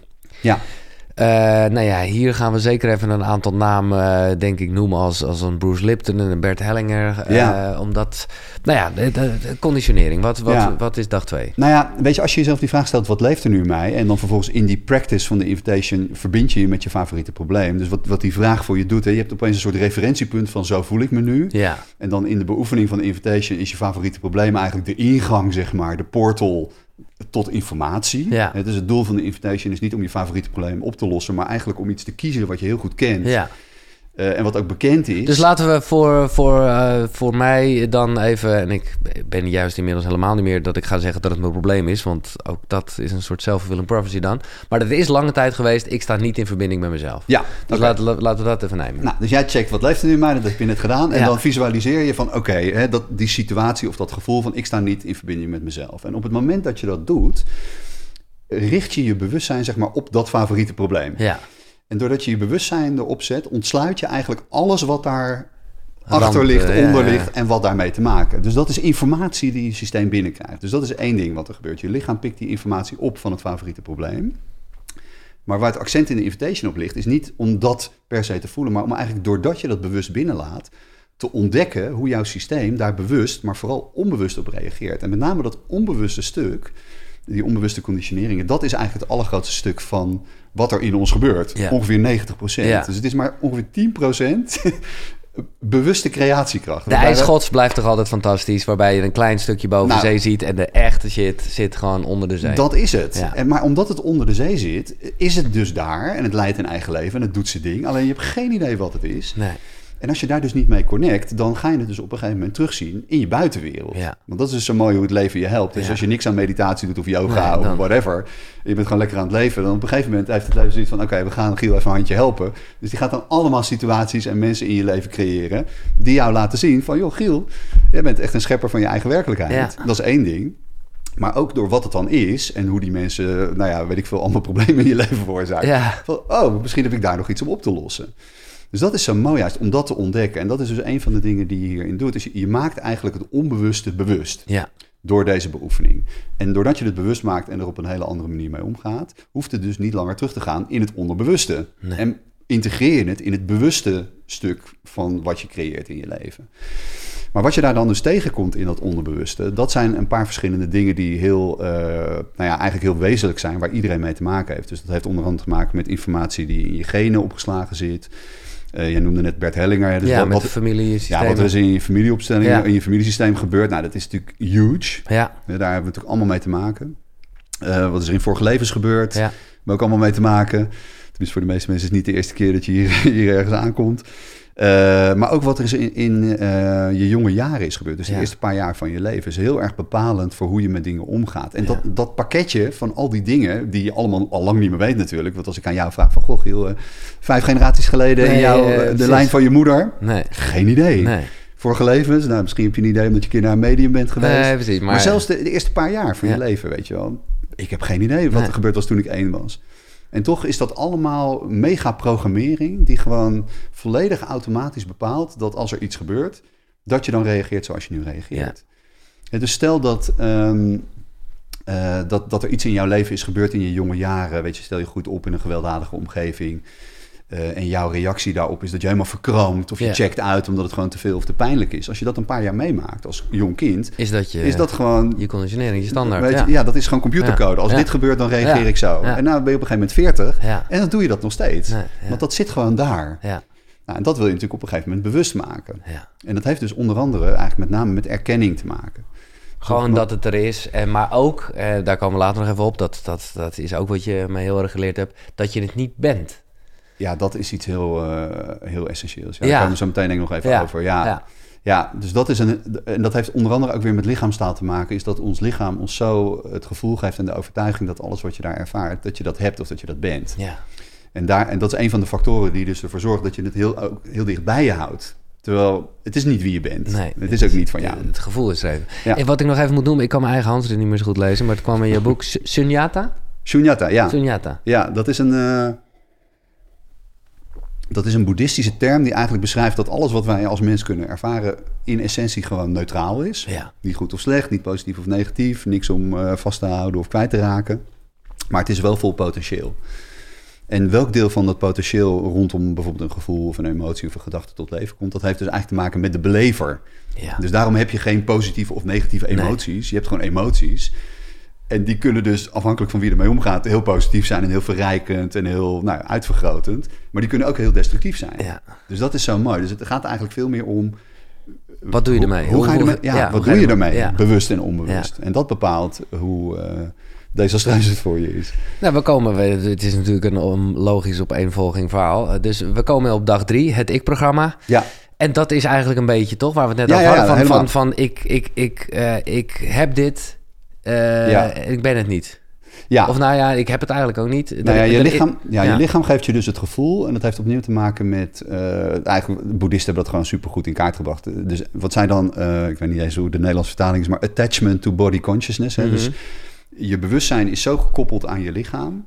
dat je automatisch gewoon gelooft... dat als je iets in je lichaam voelt... ik voel verdriet... dat je denkt, nou, ik ben verdrietig. Ja, Terwijl dat twee hele verschillende dingen zijn. Ja. Dus als je dat vertraagd afspeelt, heb je van... er wordt verdriet gevoeld, want ik ga naar een begrafenis. Als ik daar naartoe ga jij ook... dan voelen we allebei verdriet. Want dat is namelijk wat je voelt op een begrafenis. Ja. Dat is het leven. Alleen het feit dat ik daar kom en verdriet voel... betekent niet dat ik een verdrietig persoon ben. Of dat ik dat verdriet heb. Het is gewoon iets wat ik voel, omdat ik naar een begrafenis ga. ja, Nou, en dat, is dus, dat zijn eigenlijk twee dingen om uit elkaar te trekken. Dus de ervaring en dat mechanisme, het ik-programma, wat dus eigenlijk daarbovenop springt en zegt: Ik heb dit of ik ben dit. En mijn suggestie in de invitation is dus om dan de taal te veranderen. Dus in plaats van dat je zegt: Ik ben verdrietig of ik heb dit verdriet, kan je dan oefenen met de formulering: Er wordt verdriet ervaren. En als je daarnaar kijkt, dan is de ik, zeg maar, dus datgene in jou wat dan iets persoonlijk neemt, dat is uitgesleuteld. En wat er dan overblijft, is gewoon heel droog de ervaring van hoe het werkelijk is voordat iemand het Dit is zo goud. Uh, je hebt dat eerder ook een keer bij een Koekeroe webinar fucking goed uitgelegd. En het is gewoon sowieso, uh, wat mij betreft, heel erg het krachtige ding van de invitation. Omdat je daarmee, ja, het is taal, maar ja, zo is wel uh, zoals onze gedachten Ja. helemaal werken. Ja, Dus dat is zo'n groot verschil of je... Nou, ik vind het voor mezelf weer met boosheid een goeie. Van, ik ben boos. Nou ja, dat zou ik bijna wegdrukken. Van, ik ben niet boos, maar het is wel van... Terwijl er is een gevoel van boosheid. Super chill. so what? Daar is nog nooit iemand dood aangegaan. Nee, dat, dat- is dus zo cool eraan. ja. Dat, en, en op een gekke manier, als je dat zo ervaart, word je dus eigenlijk een heel rijk mens. Want als je alle dingen van het leven zo ervaart, verrijk je jezelf met al die ervaringen. Ja, En juist omdat je ze dus ervaart en niet persoonlijk neemt, integreer je ze ook. ja. En dan is de volgende keer dat je boosheid voelt, is er ook helemaal geen trigger. Nee. Is er geen issue. Want je hebt je systeem al verteld van, oh ja, dit is gewoon iets wat ik nu ervaar. Maar het is niet wie ik ben. Nee. Maar hoe zie je dat dan eh, met eh, ja, wat wij dan toch positieve dingen noemen? Ik bedoel, ben je dan ook niet blij, maar er is een gevoel van blijheid? Ja, ja same, precies. same. Ja, Ja, en het gekke daarvan is dat dus de blijheid die je dan voelt veel groter wordt dan hoe die eerst was. Want anders krijg je dus van, oh, ik ben blij. Maar dan is er altijd een gevoel van, oh, als het maar blijft en als het maar niet... Ja, eh, net als met eh, verliefd zijn. verkrampen. Ja, Weet je? ja, Daarom duurt vasttillen. verliefdheid vaak zo kort voor mensen. Omdat ze denken van, oeh, dit is een fijn gevoel. Maar oeh, Je- nou, wat als, weet je Je wel. wil het ook weer conditioneren in een hokje stoppen. Ja, ja, en dat vasthouden, energetisch, is dat eigenlijk hetzelfde probleem als dat je iets voelt en oh, ik wil je zo snel mogelijk vanaf. Ja, Het is eigenlijk het onvermogen om het helemaal te ervaren, ook al zou het maar één minuut duren, maar helemaal vrij te ervaren. En dat is het grote verschil. nee, die vind ik mooi, want in, in de volksmond is de term koesteren is positief, maar eigenlijk is het, is het niet zo positief. Want koesteren, ja, ik, het wordt vaak lief Ja, bedoeld, hè? het maar het is, ja, het, is, het is toch Ja. een verkramping eigenlijk. Ja, ja dat, is, dat kan, het kan heel mooi verpakt zijn, zeg maar. Eh, maar heel vaak heeft het dus inderdaad te maken met, met fixen. Ja, Ja, zeker. En dat is ook het grote verschil tussen loslaten en laten zijn. ja, Dat is echt iets anders. Ja, dus loslaten klinkt heel mooi, maar heeft een beetje de betekenis van, of voor heel veel mensen althans, de, de context van, oh, er gebeurt iets, ik vind het niet fijn, ik moet het loslaten en dan is het oké. Dat is gewoon Ja. fixen. En laten zijn daarin tegen, dus iets helemaal ervaren en laten bestaan zonder dat het hoeft te veranderen. Het effect daarvan is juist loslaten, maar niet omdat jij dat wil. nee. Dat is Nee, gewoon dat wat is, het, gebeurt. dat is mooi, de paradox van loslaten. Dat kan dus eigenlijk niet, want als Nee. je ermee bezig bent, laat je het niet los. Precies. Maar het is dus heel erg weer dat waarnemen Ja, laten zijn. en het laten zijn. Het is eh, super simpel. Ja, Bewustzijn en compassie. Ja, en tegelijkertijd het allermoeilijkste om te doen. ja, En wat eigenlijk uitdagend is in het doen of het praktiseren, is dat je er dus achter komt dat je het misschien niet in één keer kan. En dat mensen dus, zeg maar, als ze 100% boosheid voelen, is dat ze misschien voor 30% van die boosheid dat kunnen voelen en dat kunnen laten zijn. Maar die andere 70% ga je gewoon volop in reactie. Denk, ja, ik wil Ja. dit eh, nog steeds, eh, shit, weet je dat. Nee, dus wat je, wat je juist moet doen, is niet doen. Nou ja, Een beetje. Of, Nee, nee, nee, dat is het niet. Nee, Nee. Het is meer dat als je dus... Nou ja, dat voorbeeld wat je net gaf, je voelt boosheid. Ja. En dan voel je dus een stuk daarvan kan je voelen en laten zijn. En als je dus ergens in reactie gaat, dat je denkt... Oh, ik vind het heel relaxed. Ik wil hier vanaf. Dan is dat hetgene om op te merken en te Ja. laten zijn. Want dat is wat er dan gebeurt. Je gaat in reactie. En gek genoeg, juist door dat dus te erkennen, die reactie... Want dat is wat er gebeurt. Verandert die reactie. En is die de volgende keer minder sterk. ja, ja, ja. ja. Nee, oké, dus dat vind ik wel lekker. Dus het is wel degelijk iets wat je echt Het is kan echt oefenen. practice, ja. ja. precies. Wat je kan trainen. Ja, in, dat, is, dat is waar de invitation Ja. eh, voor gemaakt is. En op Dat een gegeven moment, als je dat dus de hele tijd hebt gedaan... en de compassie is net zo groot als de spanning... dan is er niks meer te doen. Nee. Dus dan, dan, dan ben je het. Dan heb je het eigenlijk belichaamd. Maar ja, dat Lekker. is even eh, practicen. Ja, ja, precies. Ja. Eh, de, de, ik denk tot zover dag drie, toch? Ja, ik programma, ja. Ja. Nou ja, het is super interessant om te kijken eh, waar je dingen persoonlijk neemt. En dat is iets wat veel mensen doen, automatisch gewoon. En het is dus heel powerful om inderdaad de formulering te veranderen en er dan achter te komen. Dat wilde ik nog even zeggen over dat ik-programma's. Waar je dus op een gegeven moment, als je dat lang doet, achterkomt, is dat geen één gevoel en geen één gedachte en geen één emotie en geen één fysieke sensatie van jou is. Nee. Maar ook Ja. ooit is geweest. Ja, nee, precies. Of als je dat zo blijft doen, ooit nog hoeft te zijn. En dat is onwijs bevrijdend. Want dat betekent dat je het gewoon kan ervaren. Maar Ja. dat je niet meer in die valkuil trapt van... shit, het is allemaal van mij. Ik moet het allemaal oplossen. Nee. Dus ook wel als we het in energie zien... en ik ben natuurlijk van de radio, dus is voor mij altijd een makkelijk eh, ding. Ja, ja, ja. Eh, dus, dus ja, even, nou, laat ik de radioanalogie aanhouden. Je hoort alleen maar dingen die gewoon in de lucht hangen. Eh, is- maar ze zijn niet van jou. En, en je kan er even naar luisteren en dan kan je Precies, weer... eh, ja, ja, dat is het. Dat is het. En het helpt enorm in het contact met andere mensen. Want als je dat dus ziet van jezelf, als je dus op een gegeven moment van jezelf ziet van, oh, het verdriet wat ik voel is niet van mij. Nee, En bijvoorbeeld in je relatie of vriendschap of familie, op een gegeven moment gaat het dan dagen dat dat voor die ander natuurlijk ook geldt. Dus als mijn verdriet niet van mij is, dan is dat verdriet van mijn vriendin of mijn Ja, moeder ja, precies. is ook niet van haar. En dat helpt enorm in hoe compassievol je voor iemand anders kunt het zijn. gevaar is ook een beetje, of gevaar, de, de, de angst kan ook een beetje zijn, maar wie of wat ben ik dan? Ja, Als nee, ik dat allemaal maar- niet ben. Nee, precies, maar dat is natuurlijk de grote bevrijding. Ja, dat is de, Ja. de, de angst. En de, de- ik bedoel, of ik heb dat Ja. wel eens eh, zo echt letterlijk gevoeld in een sessie. Dat ik dacht, oh, eerst voelde het als een zwart gat waarin ik viel. ja, ja, ja. En later dacht ik, nee, maar dit is geen zwart gat waarin ik viel. Dit is een zwart universum waarin ik zweef. precies. Terwijl Dat het is precies ja, ja, ja. hetzelfde, maar het is maar net ook een beetje hoe je het bekijkt. Nee, maar het is helemaal waar. En dat voelen mensen. Want dat is ook een beetje de tweestrijd die veel mensen voelen. Omdat ze op een gegeven moment denken van... Wow, dit is nice. Als ik dus niet al mijn gevoelens en emoties ben. Dat is een mega bevrijding. En tegelijkertijd realiseer ik me ook van... Ook mijn hele persoonlijkheid die ik heb opgebouwd... Gaat allemaal over waar ik me mee geïdentificeerd heb. Ja. En dat blijkt allemaal niet waar te zijn. Nee. Dus dat is natuurlijk de grote vraag vanuit de mind. Oké, als ik dat allemaal skip... Wat dan wel? Wat dan? Ja. Wie ben ik dan? Ja. Nou ja, en dat is natuurlijk de grote verrassing. Is dat er dus daaronder iets ligt. Een blauwdruk noem ik dat dan. Van wie je werkelijk bent. En die is zoveel meer authentiek en kloppend en natuurlijk dan al die stories. Ja, Eh, alleen ja, het is ook een beetje spannend. Ja. Weet je? Dus daarom is het ook handig om niet in één keer die stekker eruit te trekken. Want dan, ja, dan krijg je zo'n psychose, weet je. Ja. Dat gaat gewoon veel te hard. Dus daarom is ook onderdeel van dit hele proces van de invitation... om dat slowly, slowly te doen. En steeds eigenlijk al die wilde ideeën over jezelf gewoon nou ja, ter discussie te stellen en af te bouwen. En Ja. kijken wat er dan overblijft. ja. En daarmee word je toch een, een mooier, authentieker mens, heb ik gemerkt. We gaan naar dag vier. Eh, de dag van de zoeker. De, de, de- ja, Ja, ja, die is geniaal. Vooral omdat er zoveel humor in zit. Eh, de mensen die de invitation meedoen als ze op dag 4 aankomen, die moeten tot onwijs lachen. Omdat, dus de- net als het ik-programma, is de zoeker gewoon zo'n ding waarmee je bewust wordt van... oké, jezus, er is dus iets in mij wat gewoon niet de dingen kan zien zoals ze zijn... maar die de hele tijd op pad wil gaan en alles wil uitzoeken. En nou ja, wie, wat, waar, waarom en wanneer. Ja. En met de belofte van als ik dat dan allemaal weet en in kaart heb... dan kan ik iets doen om dat te fixen. Ja. Waar we het net over hadden. ja. En dat is gewoon een wijze druktemaker, die zoeker. En opnieuw, als mensen daar eens op gaan letten, denken ze... Jezus, die zoeker in mij, dat is bizar. Hoe totaal crazy die is, weet je. Omdat, eh, omdat er eigenlijk constant een soort bevestiging wordt gezocht in zie je wel. eh, Ja, dat is echt de mind, hè. Dus Ja. eigenlijk, je zou kunnen zeggen dat, dat de mind... Precies dat ene ding wat het hart kan, gewoon dingen zien voor wat ze zijn, dat kan de mind niet. Dus, Nee. de- dus bij het idee dat de mind zoiets heeft van, oké, dit is wat het is, denkt hij, oeh, oké, straks heb ik geen baan meer. dus die gaat eigenlijk jou dan aan je mouw trekken van, nee, nee, nee, Giel, het is niet gewoon verdriet wat je voelt. Je moet uitzoeken van wie dat verdriet is, Ja. en waar het vandaan komt, Ja. en wanneer het allemaal begonnen is, weet je wel. En als we dat hebben, dan kan je, heb je nog een mooie therapie voor je, een ayahuascaatje en een boekie, en, en dan kan je het fixen. Kan je het onder controle krijgen. Dat is de belofte van de zoeker. En dat is Ja. gewoon een bepaalde dynamiek. Gaat niks fout, hebben we allemaal mee te maken als mensen. Het is gewoon omdat we in de mind leven. ja.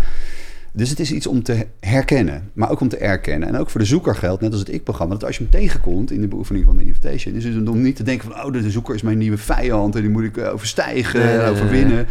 Weet je, of de strijd mee aangaan. Dat is allemaal opnieuw de mind. Maar Ja. juist die zoeker erkennen van, oké, dit is dus wat je doet. Je bent Ja. er.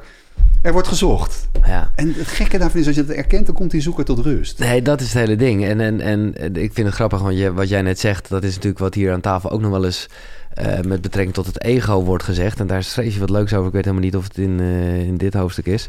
Maar dat is een beetje hetzelfde. Dat ja, in, in de spirituele wereld, laat ik het zo maar even zeggen, kan er wel eens zo'n ding ontstaan dat, dat, je, dat je geen ego zou moeten hebben. Of dat van je af zou moeten duwen. Ja, Terwijl, ja, dat kan, dat moet, je niet eens willen. het is er gewoon. Het is er gewoon, ja, En, precies. en weet je, een beetje mijn conclusie... Nou, ik snap wel waar het vandaan komt hoor. Het is een. Het is een eh, zeg je dat? Uitgangspunt is goed. Luister er niet te veel naar of lach erom. eh, of, of, maar Ja, het gevaar vind ik altijd, hoe subtiel het ook eh, klinkt, is dat het toch lijkt alsof er iets in de schepping niet goed is of zo. Mhm. Weet je wel? En waar, waar ik achter ben gekomen voor mijzelf, dat is gewoon mijn eigen conclusie, is dat alle facetten van het leven, of ze nou licht, donker zijn, mooi, whatever, op zoek zijn naar dat ene ding. En dat is erkenning. Ja. En dat is bestaansrecht. Dus ook voor het ego, Ja, ja, wat natuurlijk geen, geen foutje van Nee. de schepper is, Nee. ik bedoel, daar geloof ik echt niet in, is natuurlijk gewoon iets om te erkennen. En om te zien en ook eigenlijk te bewonderen van wow, best mooi, knap design, weet je. Je hoeft er niet in mee te gaan. Nee. Maar als je heel subtiel het gevoel hebt van... oh, dat is iets wat ik moet overstijgen en moet overwinnen... en dat is eh, Nee, een beetje wel voor... nou, het is allemaal 3D en niet Ja. allemaal in 5D. Ja, Weet je, dan heb je toch, zonder dat je het door hebt... zit je ergens, eh, toch ergens een oordeel op te zetten. En daardoor gaat het niet weg. Nee. Het wordt eigenlijk alleen maar sterker. want daardoor hou je het vast. Eh, nou ja, het is er weer. Ja, Dus juist door ook gewoon dat ego of de, de personality gewoon... Ik denk dat wel dat er een verschil is tussen het ego als in hè, de, de zin van iets wat, wat je om je heen hebt gebouwd... wat eigenlijk helemaal niet per se is wie je bent. nee. Ik denk als je daar gewoon erkenning aan geeft, dan vallen heel veel dingen weg. Maar ik denk dat er wel een persoonlijkheid overblijft. Ja, Gelukkig. Weet je, dat is eigenlijk een beetje die blauwdruk waar we het over Ja. En dat maakt de wereld eigenlijk een stuk leuker. Dat als jij gewoon bent wie jij echt bent met al je supertalenten en leuke kanten en minder leuke kanten en ik ook. Dan zijn we eigenlijk met elkaar veel leuker Ja. dan dat we allemaal hetzelfde doen. Ja. Omdat dat, weet je, dat geeft dan een soort veiligheid. Maar je zegt iets en ik, eh, ik, ik voel hem wel hoor. Maar ik, ik, misschien eh, heeft het, het raakt gewoon de snaar bij mij. Dat, we, dat erkenning, dat ik gewoon denk, ja, erkenning, dat voelt dan toch als een podium staan. Terwijl, wat- ja, je bedoelt gewoon meer verbinding, denk ik. Of eh, jij zegt net, daar zijn we allemaal naar op zoek. Nou, ik, het is meer dat ik denk dat alle facetten van het leven daarnaar op zoek zijn. Dus Ja, dat, dat ja. komt eigenlijk dat, waar we net mee begonnen, dat gesprek, je kan het eigenlijk op twee dingen, op twee manieren bekijken. Dus als je vanuit de mind kijkt naar bijvoorbeeld, weet ik veel, eh, angst of boosheid of Ja. wat dan ook. Die denkt dan toch van, ja, oké, wat is dit nou? Hoe moet ik dit een plek geven? En vanuit het hart, zeg maar, dus vanuit source, Ja. eh, gaat het veel meer over de erkenning van, oh ja, dit is gewoon een facet Ja, van ja het leven. je erkenning. Ja, ja, erkenning is weer het laten zijn in plaats van... Precies. Oh, oké, ja, helder. dus erkenning is niet goedkeuring Nee. hè, of onverschilligheid Nee, nee, of maakt me allemaal niet uit of een maniertje om ermee te dealen. Maar om het juist echt te zien zoals het werkelijk is. Wat ik nog mooi vind om hier te benoemen en, eh, de, is, is dat jij eigenlijk eh, de wet van aantrekkingskracht, hè, waarover ook veel gezegd wordt, en het, nou ja, ik, ik snap het helemaal, maar jij noemt het liever de law of creation. Ja, nou, ik kijk echt naar het leven als creatie. Ja, En aantrekkingskracht heeft voor mij een soort element alsof het je overkomt. Terwijl eh, ik geloof veel meer in dat wij gewoon echt scheppende wezens zijn. Eh, alleen opnieuw vanuit een, een deel, een klein deel, maar vanuit bewustzijn. Hè? Dus een deel waarvan we weten van, oh, ik creëer dit, ik manifesteer dit, ik zet dit neer en ik neem er Mhm. credits voor en dat is Ja. nou, goed gedaan. Maar een heel groot deel dus onbewust. ja, En ik denk dus dat het heel krachtig is om jezelf te realiseren dat er dus een heel groot stuk is wat onbewuste creatiekracht heeft. Waarmee je dus letterlijk van moment tot moment je leven creëert. ja, Eh, Vooral ook omdat het je dus echt op een plek zet van source. En weet je, dat, is, dat vind ik zo mooi aan mens zijn. Is dat wij dus het, het soort privilege hebben, het voorrecht om het leven vanaf twee plekken te kunnen ervaren. Dus helemaal te verdwalen in de mind en in al, al het gedoe. Maar we hebben ook toegang tot dat compassievolle hart. En dan kunnen we dus op een hele andere manier naar ons leven kijken. En als je dan dus kijkt van, oké, wat gebeurt er om mij heen? En ik ben hier de schepper van. Ja. Dat bedoel ik niet in religieuze zin, Nee, maar gewoon, nee, gewoon wie ik ben, creërende, ja. zie ik eh, om mij heen terug ja, dan ben je ook gelijk voorbij aan schuld. Want dat is een beetje wat heel veel mensen eh, jammer genoeg ervaren. Is dat dingen ze overkomen en dan denken ze... ja, oké, weet je, ik snap eigenlijk niet wat mijn eigen aandeel hierin is. Dacht dat ik mezelf oké voelde. Nou kom ik jou tegen, dan voel ik me niet zo lekker. Nou, dus dat moet jouw schuld zijn, toch? Dat is eigenlijk Ja. heel simpel. ja, En als mensen dan denken van... oh, maar wacht even, ik ben hè, een, schepper van mijn eigen werkelijkheid... dan hebben mensen iets van... oh, maar dan is het opeens mijn schuld. ja, Dat helpt ook niet natuurlijk. En het gaat niet over schuld, het gaat over bewustzijn. Het gaat over dat er dus het bewustzijn kan komen, dat een deel van jou bewust creëert, maar een heel groot deel dat ook onbewust doet. En dan sta je dus opeens op een krachtplek.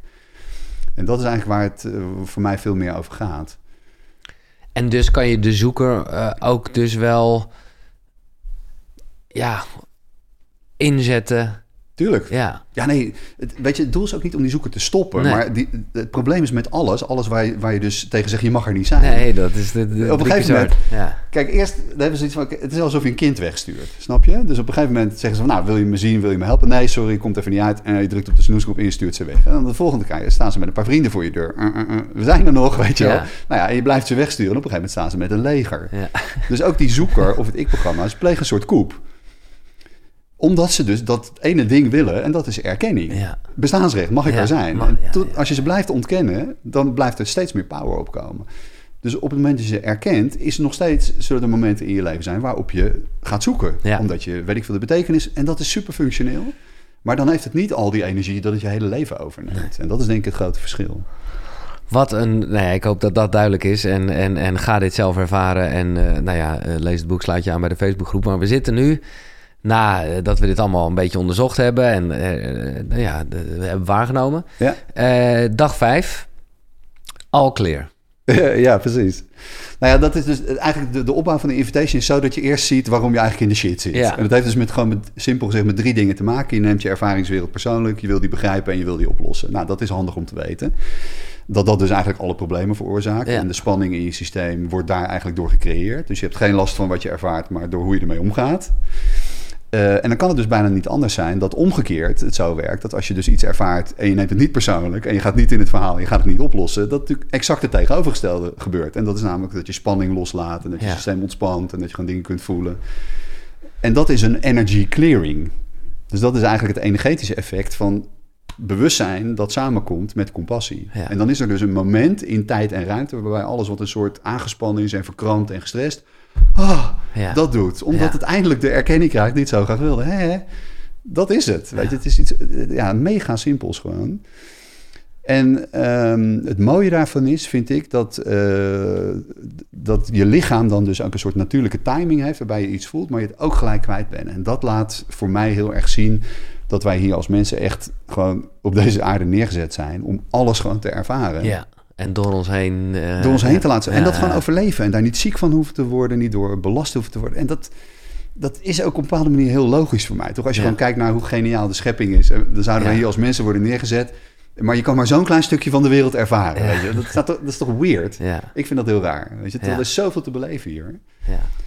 Maar je moet dat dus je moet dat weer aanzetten. Dus het is echt een, een, een soort transparantie die je in je systeem activeert. Waarbij je dus gewoon echt alles kan voelen, maar ook gelijk kwijt bent. En dat, is, Ja. dat is wat je wil. Ja. Je wil leven, toch? Echt gewoon een doorgeefluik. Totaal. Ja. Ja, maar, maar niet van een soort stortkoker waar Nee, iets doorheen gaat zonder nee. dat je dat door Nee, dat begrijp ik. Maar juist, je laat het helemaal binnen. Dus het is op een bepaalde manier super direct en heel rauw en heel intens. En dat betekent dus ook dat als je op die manier verdriet voelt, dat Ja. is niet opeens een leuk gevoel. Nee. Dat is echt oh, fucking pijnlijk, weet je wel. Of ja, pijn of hartepijn of wat dan ook. Ja, Alleen het verschil is dat je het nu heel bewust meemaakt. Dus Ja. je voelt het.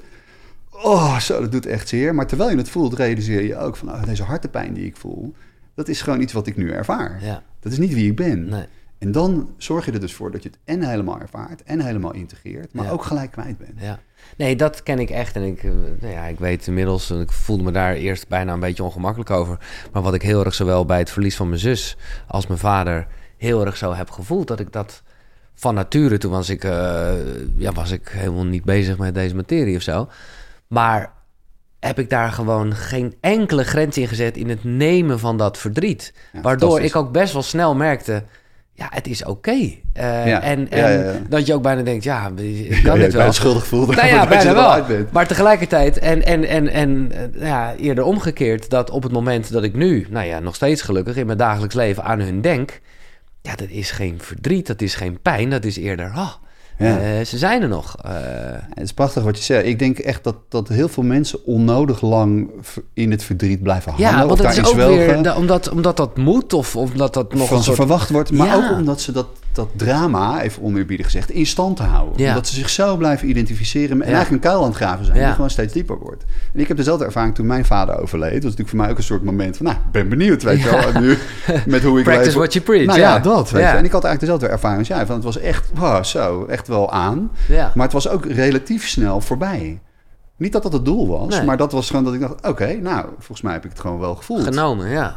Is het gewoon geïntegreerd, Ja, weet je wel. ja, En zelfs ook, als je verder kijkt... is dat denk ik ook een hele mooie manier... om de overledenen echt gewoon eh, sneller op weg te helpen. Want ik denk dat heel veel mensen ook onnodig blijven hangen... die overleden zijn. Doordat de achterblijvers... getrokken. aan die ja, luchtballon hangen. ja, dat snap ik wel. Ja. En hoe doe je het dan? Want dat vind ik misschien eigenlijk wel moeilijker. Waar we het eerder over hadden. eh, dat je ook mooie dingen niet te veel moet koesteren en vasthouden. Same, same. Maar ja, weet ik. Maar eh, ik weet niet. Ja, heb jij dat dan niet in de dagelijkse praktijk? Dat dat gewoon heel lastig is om daarin. Want dat, ja, dat, dat wil je toch even.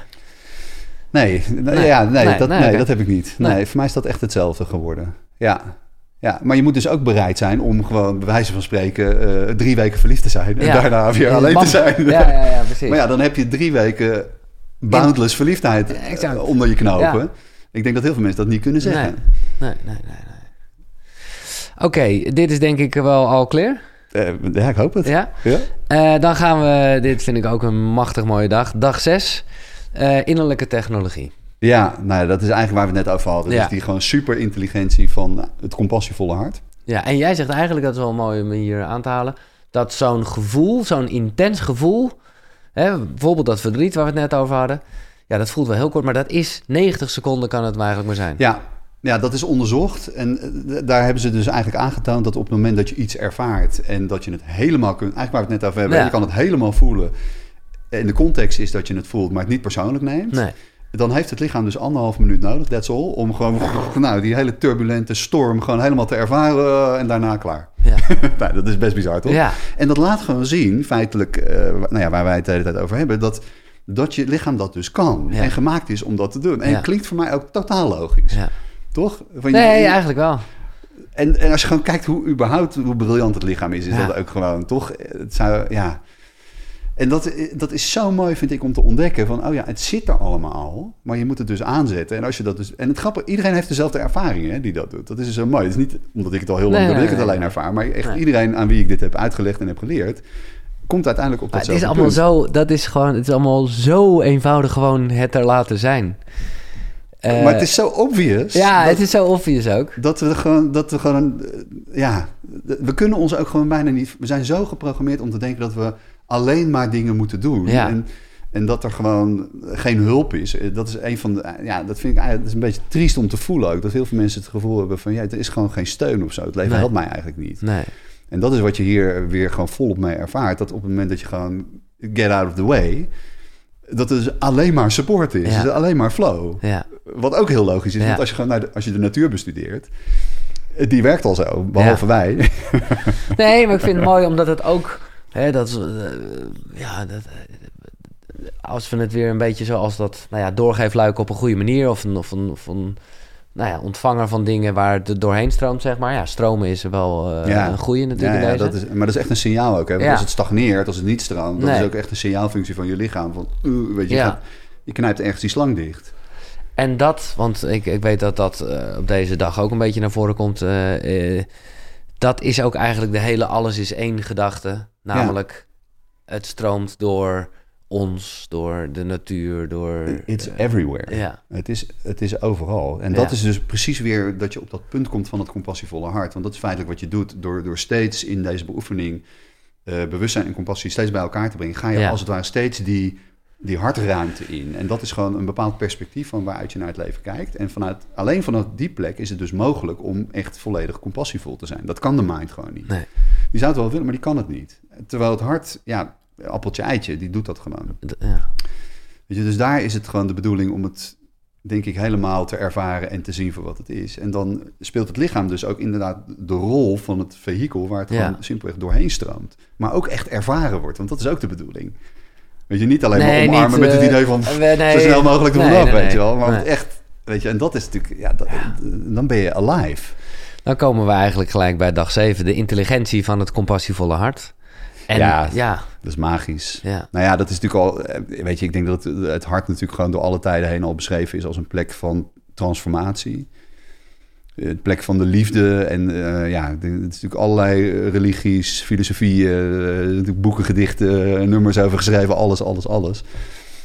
Ehm, dus ja, weet je, ik, ik denk dat dat, nou ja, wat natuurlijk in deze tijd waarin wij leven heel erg naar voren komt, eh, jij noemde dat net wel even, is polarisatie. ja, is eigenlijk uitsluiting. Eh, terwijl het hart aan de basis juist het vermogen heeft om in te sluiten. Dus dat gaat over inclusiviteit. ja. Nou ja, en dat, ik denk dat dat iets is wat, eh, wat gewoon super waardevol is nu voor mensen. Om dat weer te ontdekken van, oh ja, maar wacht even, dat heb ik altijd bij me gedragen. Alleen ik moet gewoon naar de situaties waarin ik zit, gewoon kijken vanaf die plek. Ja. Dus je, je- zolang je het vanuit de mind probeert op te lossen, gaat het niet werken. Kan je allerlei mooie dingen doen, uitstellen, eromheen leven, maar dat gaat hem uiteindelijk niet worden. Dus je moet hier komen om vanuit die plek te voelen en te zien van, oh ja, wacht even, dit is de plek waar ik het echt... Nou ja, die, die, uits- de, die uitdrukking letterlijk en figuurlijk iets in je hart sluiten. ja, Daar gaat Ja, het over. ja, je kan het echt thuis brengen. ja, En dan, ah, dan komt het tot rust. ja. Dus ja, dat is iets wat natuurlijk al eeuwen, eh, nou ja, millennia geleden ontdekt is, denk ik. Dat is echt van alle tijden. En misschien juist in oude culturen wel veel dichterbij dan, eh, veel meer verbonden met het mysterie, zou je kunnen Ja, dat is het ding. Ik, ik, ik moet ineens denken, dat was ik dan bijna vergeten of aan voorbij gegaan. Dat is waar voor mij de term koekeroe vandaan komt. Omdat ik gewoon dacht, alle andere termen. Kijk, want hart vind ik ook gewoon een beetje de pomp die het bloed rondstroomt. Ja, ja, ja, weet je, wel? dat is voor mij veel te wetenschappelijk geworden. En, en eh, ik voelde gewoon wel aan alles van ja, en dan heb je nog een ziel, maar je hebt ook je onderbuik en je hebt je kloten. Het zijn allemaal. En ik dacht allemaal, ja, het is allemaal bij elkaar. Het is gewoon dat, dat, nou, de source of in ieder geval je eigen centrum, whatever. Dat is het. Ja. Ja. En wat ik probeer is om eigenlijk dat, dat... Ik noem dat dan de plek van het scheppende of de source... of het Ja, of de bron. Het maakt allemaal niet uit hoe je het noemt. Maar het is op een bepaalde manier ook vaag en abstract. Weet je? En wat ik probeer eigenlijk in de invitation... is om mensen de directe ervaring te geven hoe het is... als je vanuit die plek naar je leven kijkt. Dus Ja. ik zie het echt als een ruimte waar je naar binnen kan gaan. Een kamer waar je de deur van open kan doen. Ja, En vanuit die ruimte naar je leven kan nee, dat is kijken. ook wel lekker. En dan dus ook echt ervaart van... oké, als ik vanaf deze plek kijk... is diezelfde ervaring heel anders. Terwijl ik naar hetzelfde kijk... Maar hoe, want jij hebt het ook wel eens, laat wel eens de term vallen, door je hart ademen. Ja, dat is, dat is een, eh, een techniek die eh, eh, het Institute of Heart Math heeft gecoind eigenlijk. Ja. Eh, die hebben gewoon, het is ook zo grappig hoe, hoe dat bij hun is gegaan. Die hebben mega veel onderzoek gedaan. Die komen uiteindelijk ook op iets heel simpels uit. Weet je? Dat is zo grappig, vind ik altijd. Eh, oh ja, het is eigenlijk heel simpel. en dat is dan gewoon, je doet een meditatie, je visualiseert dat je door je hart ademt en je denkt aan iets heel fijns. Ja. That's it. Ja, En dat is, dat is gewoon de snelste manier om je hele systeem uit te lijnen. Ja. Nou ja, dat is, weet je, dat is wat het is. dat is het voor hun. Lekker. Er zit gewoon 50 jaar onderzoek in of zo, weet ik veel hoe lang. Dat is briljant. En opnieuw, ik denk dat dat hetzelfde idee is. Dat je dus gewoon vanuit die... Je connect met wat hier leeft. Ja. Die intelligentie gewoon aanzet. En of je dat dan doet door je ademhaling... of door je bewustzijn daar naartoe te brengen... Of, het maakt uiteindelijk niet zo heel veel uit. Maar ja, het is gewoon super mooi dat ook met eh, wat het Hartmeth Instituut dan heeft ontdekt.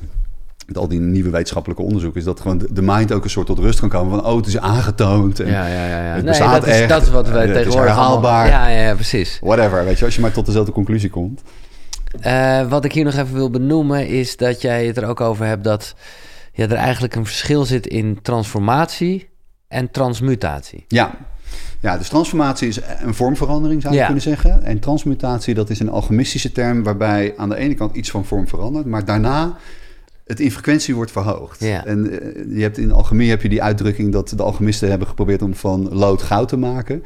En dat gaat eigenlijk denk ik daarover. Dus hoe maak je, het is meer denk ik een metafoor... van hoe Ja. maak je van de duisternis, maak je weer licht. Ja, Nou ja, en dat is het proces wat in het compassievolle hart gebeurt. Dus het, het, het hart nodigt eigenlijk de duisternis uit. Het kan in het hart helemaal ervaren worden. En doordat het dus helemaal ervaren wordt en erkend en omarmd en gelaten en niet hoeft te veranderen, daardoor verandert het. Dus het wordt eigenlijk ontdaan van alle spanning die wij als mensen daaraan toegevoegd hebben. Het komt er gewoon aan de andere kant van de wasstraat weer uit als tada, ja, liefde in de fabriekstand. Ja. That's it. Dus dat, dat is dat proces van transmutatie. En Ja. ook dat is dus iets, wij, wij hebben dat, dat alchemistische fabriekje. we kennen dat, ja. We, hebben, we zijn dat. Ja, We zijn dat. Alleen je, je moet daar weer even eh, naartoe. ja.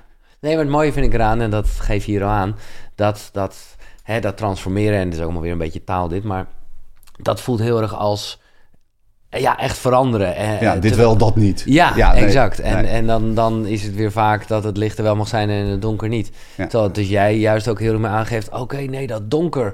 och man, daar zit, daar zit ook een energie in. dat dus dus, dus Ja. gebruik dat om daar iets moois van te maken. Nou ja, dat is echt transformatie. En dat is Ja. natuurlijk de manier waarop je je leven echt verruimt en verrijkt. Want Ja. heel veel mensen die hebben het natuurlijk over hun comfortzone.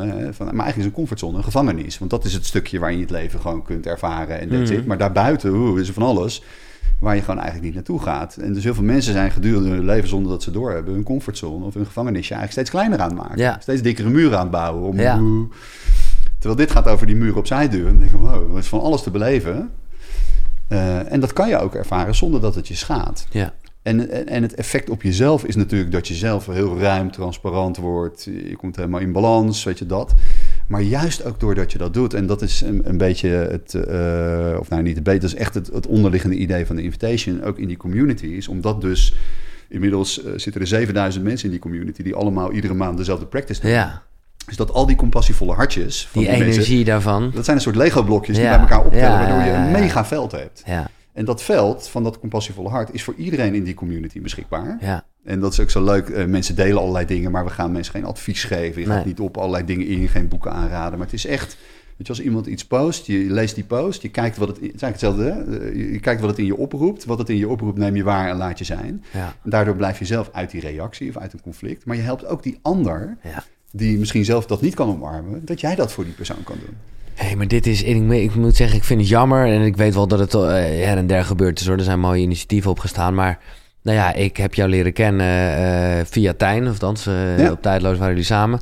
Tijn heeft natuurlijk dat stadsverlichting idee. Ja, En dat vind ik zo'n machtig mooi middel waarvan ik eigenlijk wel had gehoopt dat het in de afgelopen periode meer was ingezet. Ja. Namelijk de bundeling Ja. van energie, van Ja. krachten, van... Ja. van dat is echt wat er nu nodig is. Om Ja, dit soort supermooie initiatieven, daarom werken. Stadsverlichting en eh, de Invitation ook natuurlijk heel close samen, Ja, omdat ja. uh, matties zijn. Maar het is ook, eh, die twee initiatieven bij elkaar is ook een heel mooie balans. Omdat eh, het stadsverlichting gaat natuurlijk heel erg over naar het licht gaan. En dit gaat heel erg over naar de duisternis Ja, gaan. ja, en ja, dat moet precies. allebei gebeuren, Ja, snap je? mooi. Ja, ja, ja. En allebei heeft het dus inmiddels een grote community en een practice. ja. En de invitation is dus echt een, een individuele beoefening die je zelf in zo'n week doet. Ehm, met de community doe je het met elkaar en daardoor ben je met elkaar beschikbaar. Maar het is ook nog eens een keer omdat je met die community, zeg maar, natuurlijk ook onderdeel bent van het collectief. Eh, iedereen die zijn eigen individuele problemen oplost of dat voor elkaar doet, betekent ook dat in het collectief opeens dat hele compassievolle hart beschikbaar is om Ja. in dat grote geheel in die mind Ja. spanning daaruit te Ja. laten lopen. En dat is, nou ja, in mijn eh, bescheiden mening, denk ik, een van de beste manieren om voorbij te gaan aan de polarisatie Ja. en iets heel zinnigs te doen voor nou ja, de wereld. Ja. Nee, vind ik mooi dat je zegt. Ik weet jaren geleden, toen ik bij een psycholoog liep... en die begon al een beetje van... Hé, je moet gewoon wat meer gaan bewust van ademhalen. En eh, nou ja... de- en die voelde wel aan mij dat ik nog eventjes de praktische zin daarvan... Hè, waarom, waarom doe ik dit eigenlijk? Ja, waarom doe ik Ja, dit eigenlijk? ja. En toen wist zij het wel mooi te maken. En, het, en, en nu voel ik dat eigenlijk veel meer dan toen. Zo van, ja, al doe je het niet voor jezelf, dan doe je het voor een ander.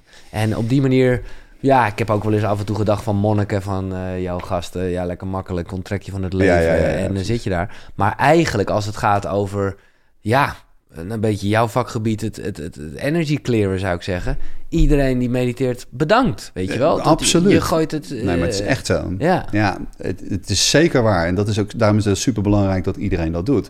Ik denk, wat jij net zegt over stadsverlichting, maar ook over de invitation. Ik denk, als je dat met elkaar doet, Ja, want dat is een van de dingen waardoor het extra krachtig wordt, is dus uitleiding. Dus coherentie. Dus als je, en dat is natuurlijk dat verhaal van ehm, eh, het Maharishi-effect, zeg maar. Eh, die Ja, heeft ja. aangetoond dat je met een paar, eigenlijk een relatief kleine groep mensen, een hele super gefocuste, uitgeleide beoefening doet, heeft een mega effect op Ja. het collectief. ja.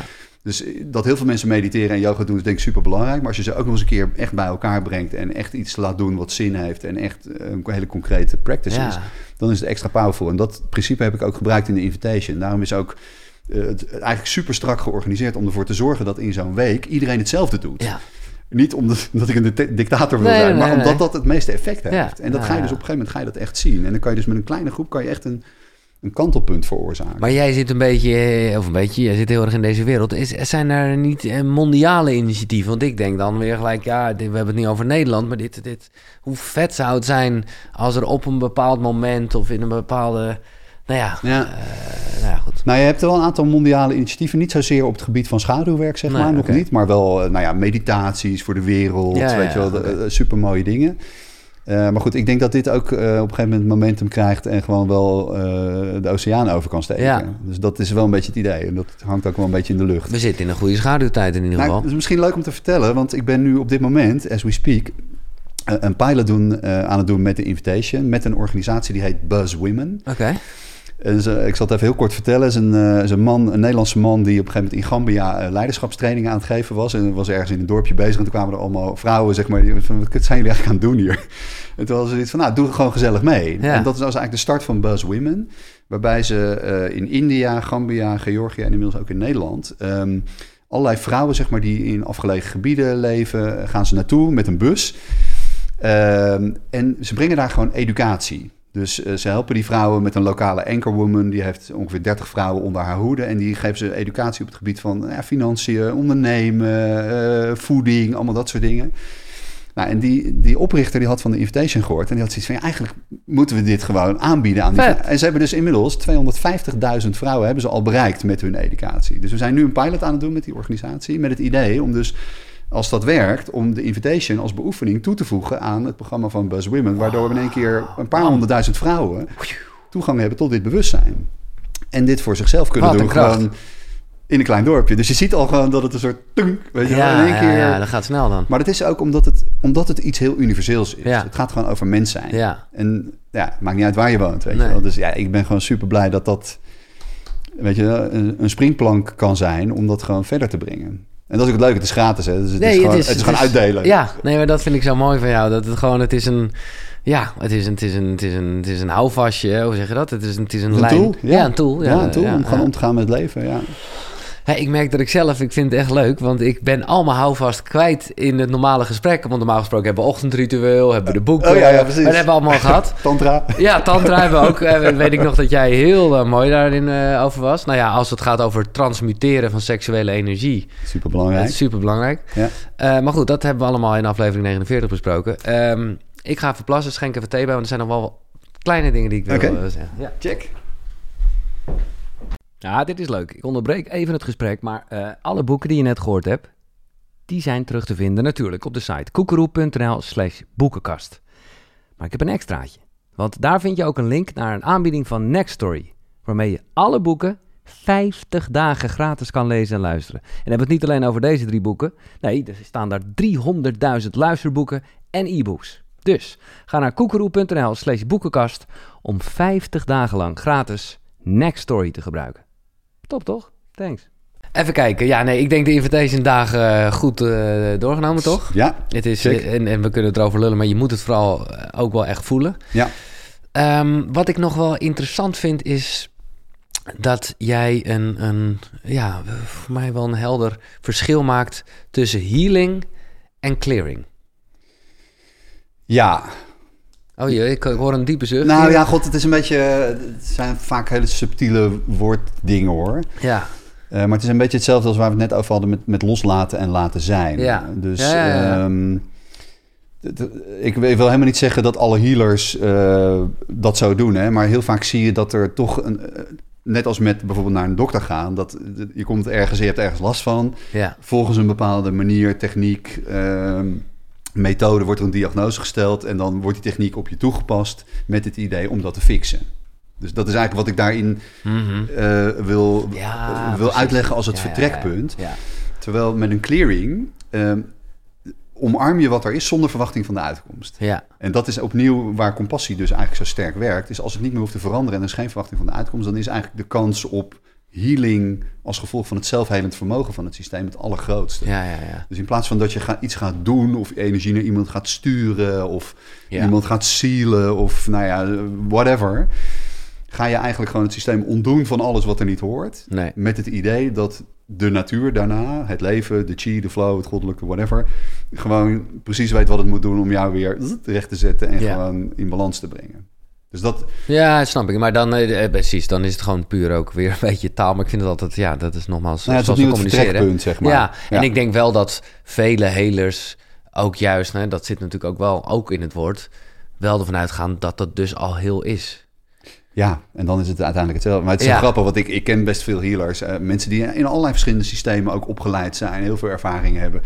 En uiteindelijk komt iedereen op hetzelfde punt uit. Ja. Dat is zo grappig. Namelijk, het is al goed. Het is gewoon wat er is. Het is, ja. Ja. Nou, en dat is, eh, wat heb ik daar zelf over gezegd? Oh ja, ja. Nee, ik heb eh, ik, ik, op het boek, want ik mocht het wat eerder lezen, hebben we hier het gesprek gehad. En eh, nou ja, toen was je vlak daarna bezig met het boek. Ik heb het een beetje flauw gezegd, dankzij de invitation is het laten zijn mijn nieuwe houvast. Om toch een houvast Ja, hebben. ja, superleuke paradox. Maar ja, maar dat is ook eigenlijk een mooie, vind ik, maar die is van jouzelf. Als niets hoeft te veranderen, verandert alles. Ja, ja, dat is, ja, dat is de paradox van de invitation. Ja. ja. Dat is echt. Maar ik wil nog even één, even, weet je, want, want dit, als ik dit allemaal zo hoor en we hebben het erover, dan denk ik, ja, dit is het. Maar goed, morgen is gewoon weer een nieuwe dag. Ja. En dan zitten we weer echt in het leven. Hè? Ja. En wat ik er gewoon zo moeilijk aan vind eh, op bepaalde momenten is als je dus al bewust bent van wat leeft er in mij. Ehm, en, en het gewoon heel erg er, er, ja, kijk, er laten zijn. Ik ben nu bijvoorbeeld wel veel beter in dat ik denk, oké, dat ik een beetje afstand ervan neem. En dat ik gewoon denk van, oké, dit er is, er is, ja, als het bijvoorbeeld in, eh, als het een conflict zou zijn. Ja. Maar tegelijkertijd denk ik dan ook, dat, dat, dat is waar ik naartoe wil, dat ik dan denk, ja, maar dan laat ik het er dus juist niet zijn, want dan neem ik Nee. afstand ervan. Ja, precies. Ja, nee, precies. Want eh, eigenlijk de, de beoefening van de invitation is exact de, de omgekeerde beweging. Dus in plaats Ja. van dat je afstand neemt, ga je er naartoe. Ja, maar ja, dat zit dan weer helemaal doordrenkt van emoties en dus... Maar als dat is wat er is, als Ja. er veel emoties zijn... dus als je voelt van, oh, ik moet naar dit conflict toe bewegen... of ik wil eigenlijk dat conflict binnenlaten om te voelen wat het met me doet. Ja, maar dan is er geen boosheid, dan ben je boos. Snap je? Dan ben je toch een beetje overmand door... Maar als dat... Maar, maar dat, is ook goed. Nou ja, het is niet zozeer dat het goed is, dat is wat er gebeurt. Ja. En dat is eigenlijk wat ik net wilde, eh, wilde uitleggen. Dus, dus ehm, je, je kan met je mind snappen wat dit principe is van de invitation. Want het is heel simpel, waarnemen en laten zijn. En dan ga je het doen en dan kom je dus achter van... oh, er is een conflict. Oh, ja, Oké, ik snap hem, de invitation kan laten zijn. En dan op een gegeven moment kom je op dat punt dat je denkt... fuck, nou ben ik toch gewoon boos en dan wil ik toch gewoon klappen uitdelen. Ja. En dat is pre- precies het punt waar je dus de grenzen van je comfortzone bereikt. Eigenlijk de grenzen van je compassie bereikt. En daar neemt je je geconditioneerde reactie, die neemt het over. En die twee dingen gebeuren tegelijkertijd. Dus het is niet, je bent helemaal compassievol voor, voor al het leven. Dat is niemand. Nee. Maar het is een soort schaal waarin je dus merkt door het te doen... van, oh, hier word ik nu mee geconfronteerd. Een conflict, zoals jij zegt. En eh, door het te voelen, te voelen... oh, oké, nu is er geen ruimte meer. Nu kan ik het niet meer laten zijn. Nu, nu heb ik een vet oordeel. Nu word ik boos of bang of weet ik veel wat. En dat is hetgeen om op te merken wat er gebeurt. Want dat is wat er gebeurt. Ja. Er wordt boosheid gevoeld. Er wordt reactie. Er wordt schelden ervaren. Whatever. Ja. Dus, eigenlijk Het is juist... alles inclusief. Ja, maar eigenlijk dus, en ik snap dat je niet zo en wel niet wil denken, maar toch even voor mijn helderheid, dat hele even tot tien tellen, doe Nee, het eigenlijk maar niet. Nee joh. Nee. Dat, is gewoon, dat is gewoon iets parkeren en niet aangaan. Nee, oké. nee, nee, nee, nee, nee. Dit is echt gewoon vol erin. Ja. En met, met het risico, maar het kan twee kanten op werken. hè. Dus je, je hebt mensen die dan denken van, ah nee, ik ben nog eens relaxed in, joh. Die gaan dit doen en denken, zo, ik ben echt totaal niet relaxed. Ja. Maar omgekeerd ook. Je hebt ook mensen die denken van, oh, dit is echt een onwijs issue voor mij en ik kan hier echt niet mee omgaan. En die gaan dan de invitation doen, de practice, en die komen erachter van, wat? Als ik me hiermee verbind, merk ik dat ik onwijs veel ruimte heb. Ja. Dat ik heel compassievol ben hiervoor. Dus het, het kan je aan twee kanten verrassen. En, en dat laat dus zien, en dat is iets wat ik bij heel veel mensen zie, is dat er een enorm verschil is tussen hoe de mind denkt dat je met een situatie omgaat op enig moment, en hoe dat energetisch werkelijk gebeurt. Ja. En dat is voor heel veel mensen een enorm verschil. Aan twee kanten kan dat Ja. dus een verschil zijn. Nou ja, en dus ook, en dat is denk ik wat je zegt, en ook dus hoe, hoe je hart, je echt, je pure Ja. ik eigenlijk in Dat, iets dat is het. En, Ja. en, en dat is natuurlijk het bijzondere aan mensen. Je hebt alle twee die elementen. Je Ja. zit helemaal in die mind. En daar heb je jezelf een waanzinnig verhaal verteld over hoe je dat allemaal doet. En tegelijkertijd heb je dat hart. ja, En daar hebben heel veel mensen nog nooit echt vanuit die plek gekeken. En daar werkt het gewoon heel anders. Dus dat is zo mooi om dat te ontdekken. En dus eigenlijk te zien, om die twee dingen bij elkaar te brengen. Van oké, hoe denk ik nou eigenlijk dat ik dat doe? En hoe doe ik dat echt? En de invitation gaat dus echt over die onderlaag van het energetische. Waarin je dus echt kijkt, hoe gaat mijn systeem nou echt om met wat er nu gebeurt? ja, En dat is dus inclusief die schaduwkant. Dat, Ja. dat stuk wat je niet wist. nee, Dat komt in één keer naar boven. En dat is natuurlijk de grote verrassing. Aan twee kanten. ja. Ja, ik zit even waarmee we begonnen ook, eh, met mijn eigen, ja, interne dialoog zou je kunnen zeggen. Dat ik dan nu even zit te analyseren van, ja, is dat dan meer mind of meer hart? Voor mijn gevoel is het gewoon erg vanuit een soort hartsituatie dat ik denk, nou, oké. Maar ja, ja, maar niet helemaal naar mezelf. Ja, nou goed. Het is iets om te ontdekken. Ja. Het is zo leuk om, om je bewust te zijn van alle twee die perspectieven Ja. die je in jezelf hebt. En Want het is de hele tijd een beetje het spel daartussen dus. Toch? Nou ja, dat- ja, precies. Want Ja. Die, die schaal die ik net uitlegde. Kijk, dus op het moment dat binnen je comfortzone, binnen waar je dingen kunt omarmen en kunt laten zijn, daar ben je in het hart. Ja, Maar op het moment dat je getriggerd wordt en je gaat in je automatische reactie, mind, mind, weet je, dan zit je weer daar. Tot het punt dat je dat door denkt, fuck, we zitten weer helemaal in die mind. ja, Oké, even laten zijn wat er nu is, inclusief al die Ja. oordelen, toestanden. Klunk, ben je weer in het hart. ja. Dus dat gaat in... Maar is het het streven om het toch maar wel weer even een soort druk op te leggen... om 100% uit je hart te leven? Voelt wel lekker namelijk, als ik het zeg. Ja, ik denk niet, voor mij is het niet een doel op zich. Nee. Nee, maar het is denk ik wel het automatische gevolg van als je de hele tijd daar uithangt, is dat je ook automatisch daar steeds meer blijft. Omdat je gewoon niet daar meer hoeft weg te gaan. Maar niet ten koste van de mind. Want dat is iets wat. eh, ik vind dat dat wel grappig. Die, soms heb je van die hele populaire uitspraken die mensen dan opeens allemaal zeggen. Van ja, de, de langste reis die je ooit zult maken is van het Van het hoofd naar je hart. 40 centimeter. Ja, ja dat is wel, ik vind het wel leuk. Dat is super grappig. Ja. Maar als je daar, ik ga dan over dat soort dingen nadenken. Ik denk, wat wordt daar nou eigenlijk mee bedoeld? Maar eigenlijk zeggen mensen dan, ja, het hoofd is niet goed, je moet naar Nee, het hart. exact. En dat is hem niet. Nee. Het gaat, het is de, de invitation is voor mij de reis van het hoofd en het hart. Ja, En juist door alles wat in het Ja. hoofd, hè, of in de mind gebeurt, bewust te maken Ja. en te omarmen, breng je eigenlijk die mind terug naar het hart. Ja. En- Maar dit is, het, dit is wat mij betreft de essentie van waar we nogal wel wat misverstanden over zijn, ook bij mezelf. Dat je heel erg denkt dat balans in het midden is. Terwijl balans is, Is- van links naar rechts aan het gaan. Dus in dit geval Het is alles is het van mind naar hart. En, Ja. eh, je, eh, daar, Maar dat is, ook, dat is ook hoe de mind het doet. De mind kan eigenlijk maar twee uitersten zien. Ja. Wel of niet, goed Ja. of slecht. Terwijl het hart, die heeft zoiets van... oh ja, eh, de twee uitersten en en, dat, ja. het midden en alles eromheen. ja, Dat is wat het hart kan. Dus die kan alle opties, zeg maar. Ja. Die heeft veel groter perspectief Ja. om alles... oh ja, het is waar, oh, maar het is ook niet waar. ja. Oh ja, het is allebei dat, maar het is eigenlijk ook allebei niet dat. Weet je wel? En dat is iets wat de mind gewoon simpelweg niet kan. Nee. Terwijl voor het hart is dat de plek... En daardoor komt de mind gewoon tot rust. Ja, relax man, ik hoef me niet meer zo druk te maken. Nee. Eindelijk met pensioen. Dan hebben we ook dat hart nog. eh, Ja, precies. mooi. Ehm, ja, ik weet, eh, vorige keer heb ik jou wel gevraagd hoe je tegen de dood aankijkt. Dat is iets wat je, nou, waar je nieuwsgierig naar bent. Je vertelde toen over een, eh, een, een, een bijna doodervaring, zou ik kunnen zeggen, met gas. eh, nou ja, je zal het zelf nog Ja, ja, ja, ja, ja, eh, ja, met, ja. Ehm, nou ja, twee vragen toch nog erover die ik toen eh, blijkbaar niet gesteld heb. Wat denk je dat er gebeurt? Als je doodgaat? Ja. Oeh. Gewoon, en we weten het niet, dus het is totaal eh, filosoferen. eh, nou ja, maar ik ben toch wel, ik bedoel... Ja, nou, ik, eh, waar ik het meeste een klik mee voel is eigenlijk het, het boeddhistische idee. Dus ik geloof niet per se in de ziel. Dat is voor mij niet iets, dat is voor mij toch nog onderdeel van, van de mind of het persoonlijke verhaal. Ehm, nou ja, het is duidelijk het fysieke lichaam stopt. Maar ik, waar ik wel in geloof is, als je gewoon energetisch kijkt, is dat de dingen die je in dit leven niet hebt opgelost, of die je niet bent aangegaan, of wat dan ook, dat de energie daarvan gewoon na, na de fysieke dood niet ophoudt met bestaan. Dat gaat verder in een andere realiteit. Ja. En dat leidt daar ook een eigen leven. Dus eigenlijk, als ik het dan een beetje nu eh, met je eigen vergelijkingen waar we het over hadden doortrek. Het doorgeefluik, maar eh, niet, wel met voelen, hè? dus eh, Mm. zoals we het besproken hebben. Op het moment dat daar ietsjes, nou ja, dat gebeurt natuurlijk vaak, toch een beetje blijft hangen. Ja. Hè? En met een groot woord wordt het een trauma genoemd, maar in ieder geval, het is, het is iets Mm. waardoor je reageert.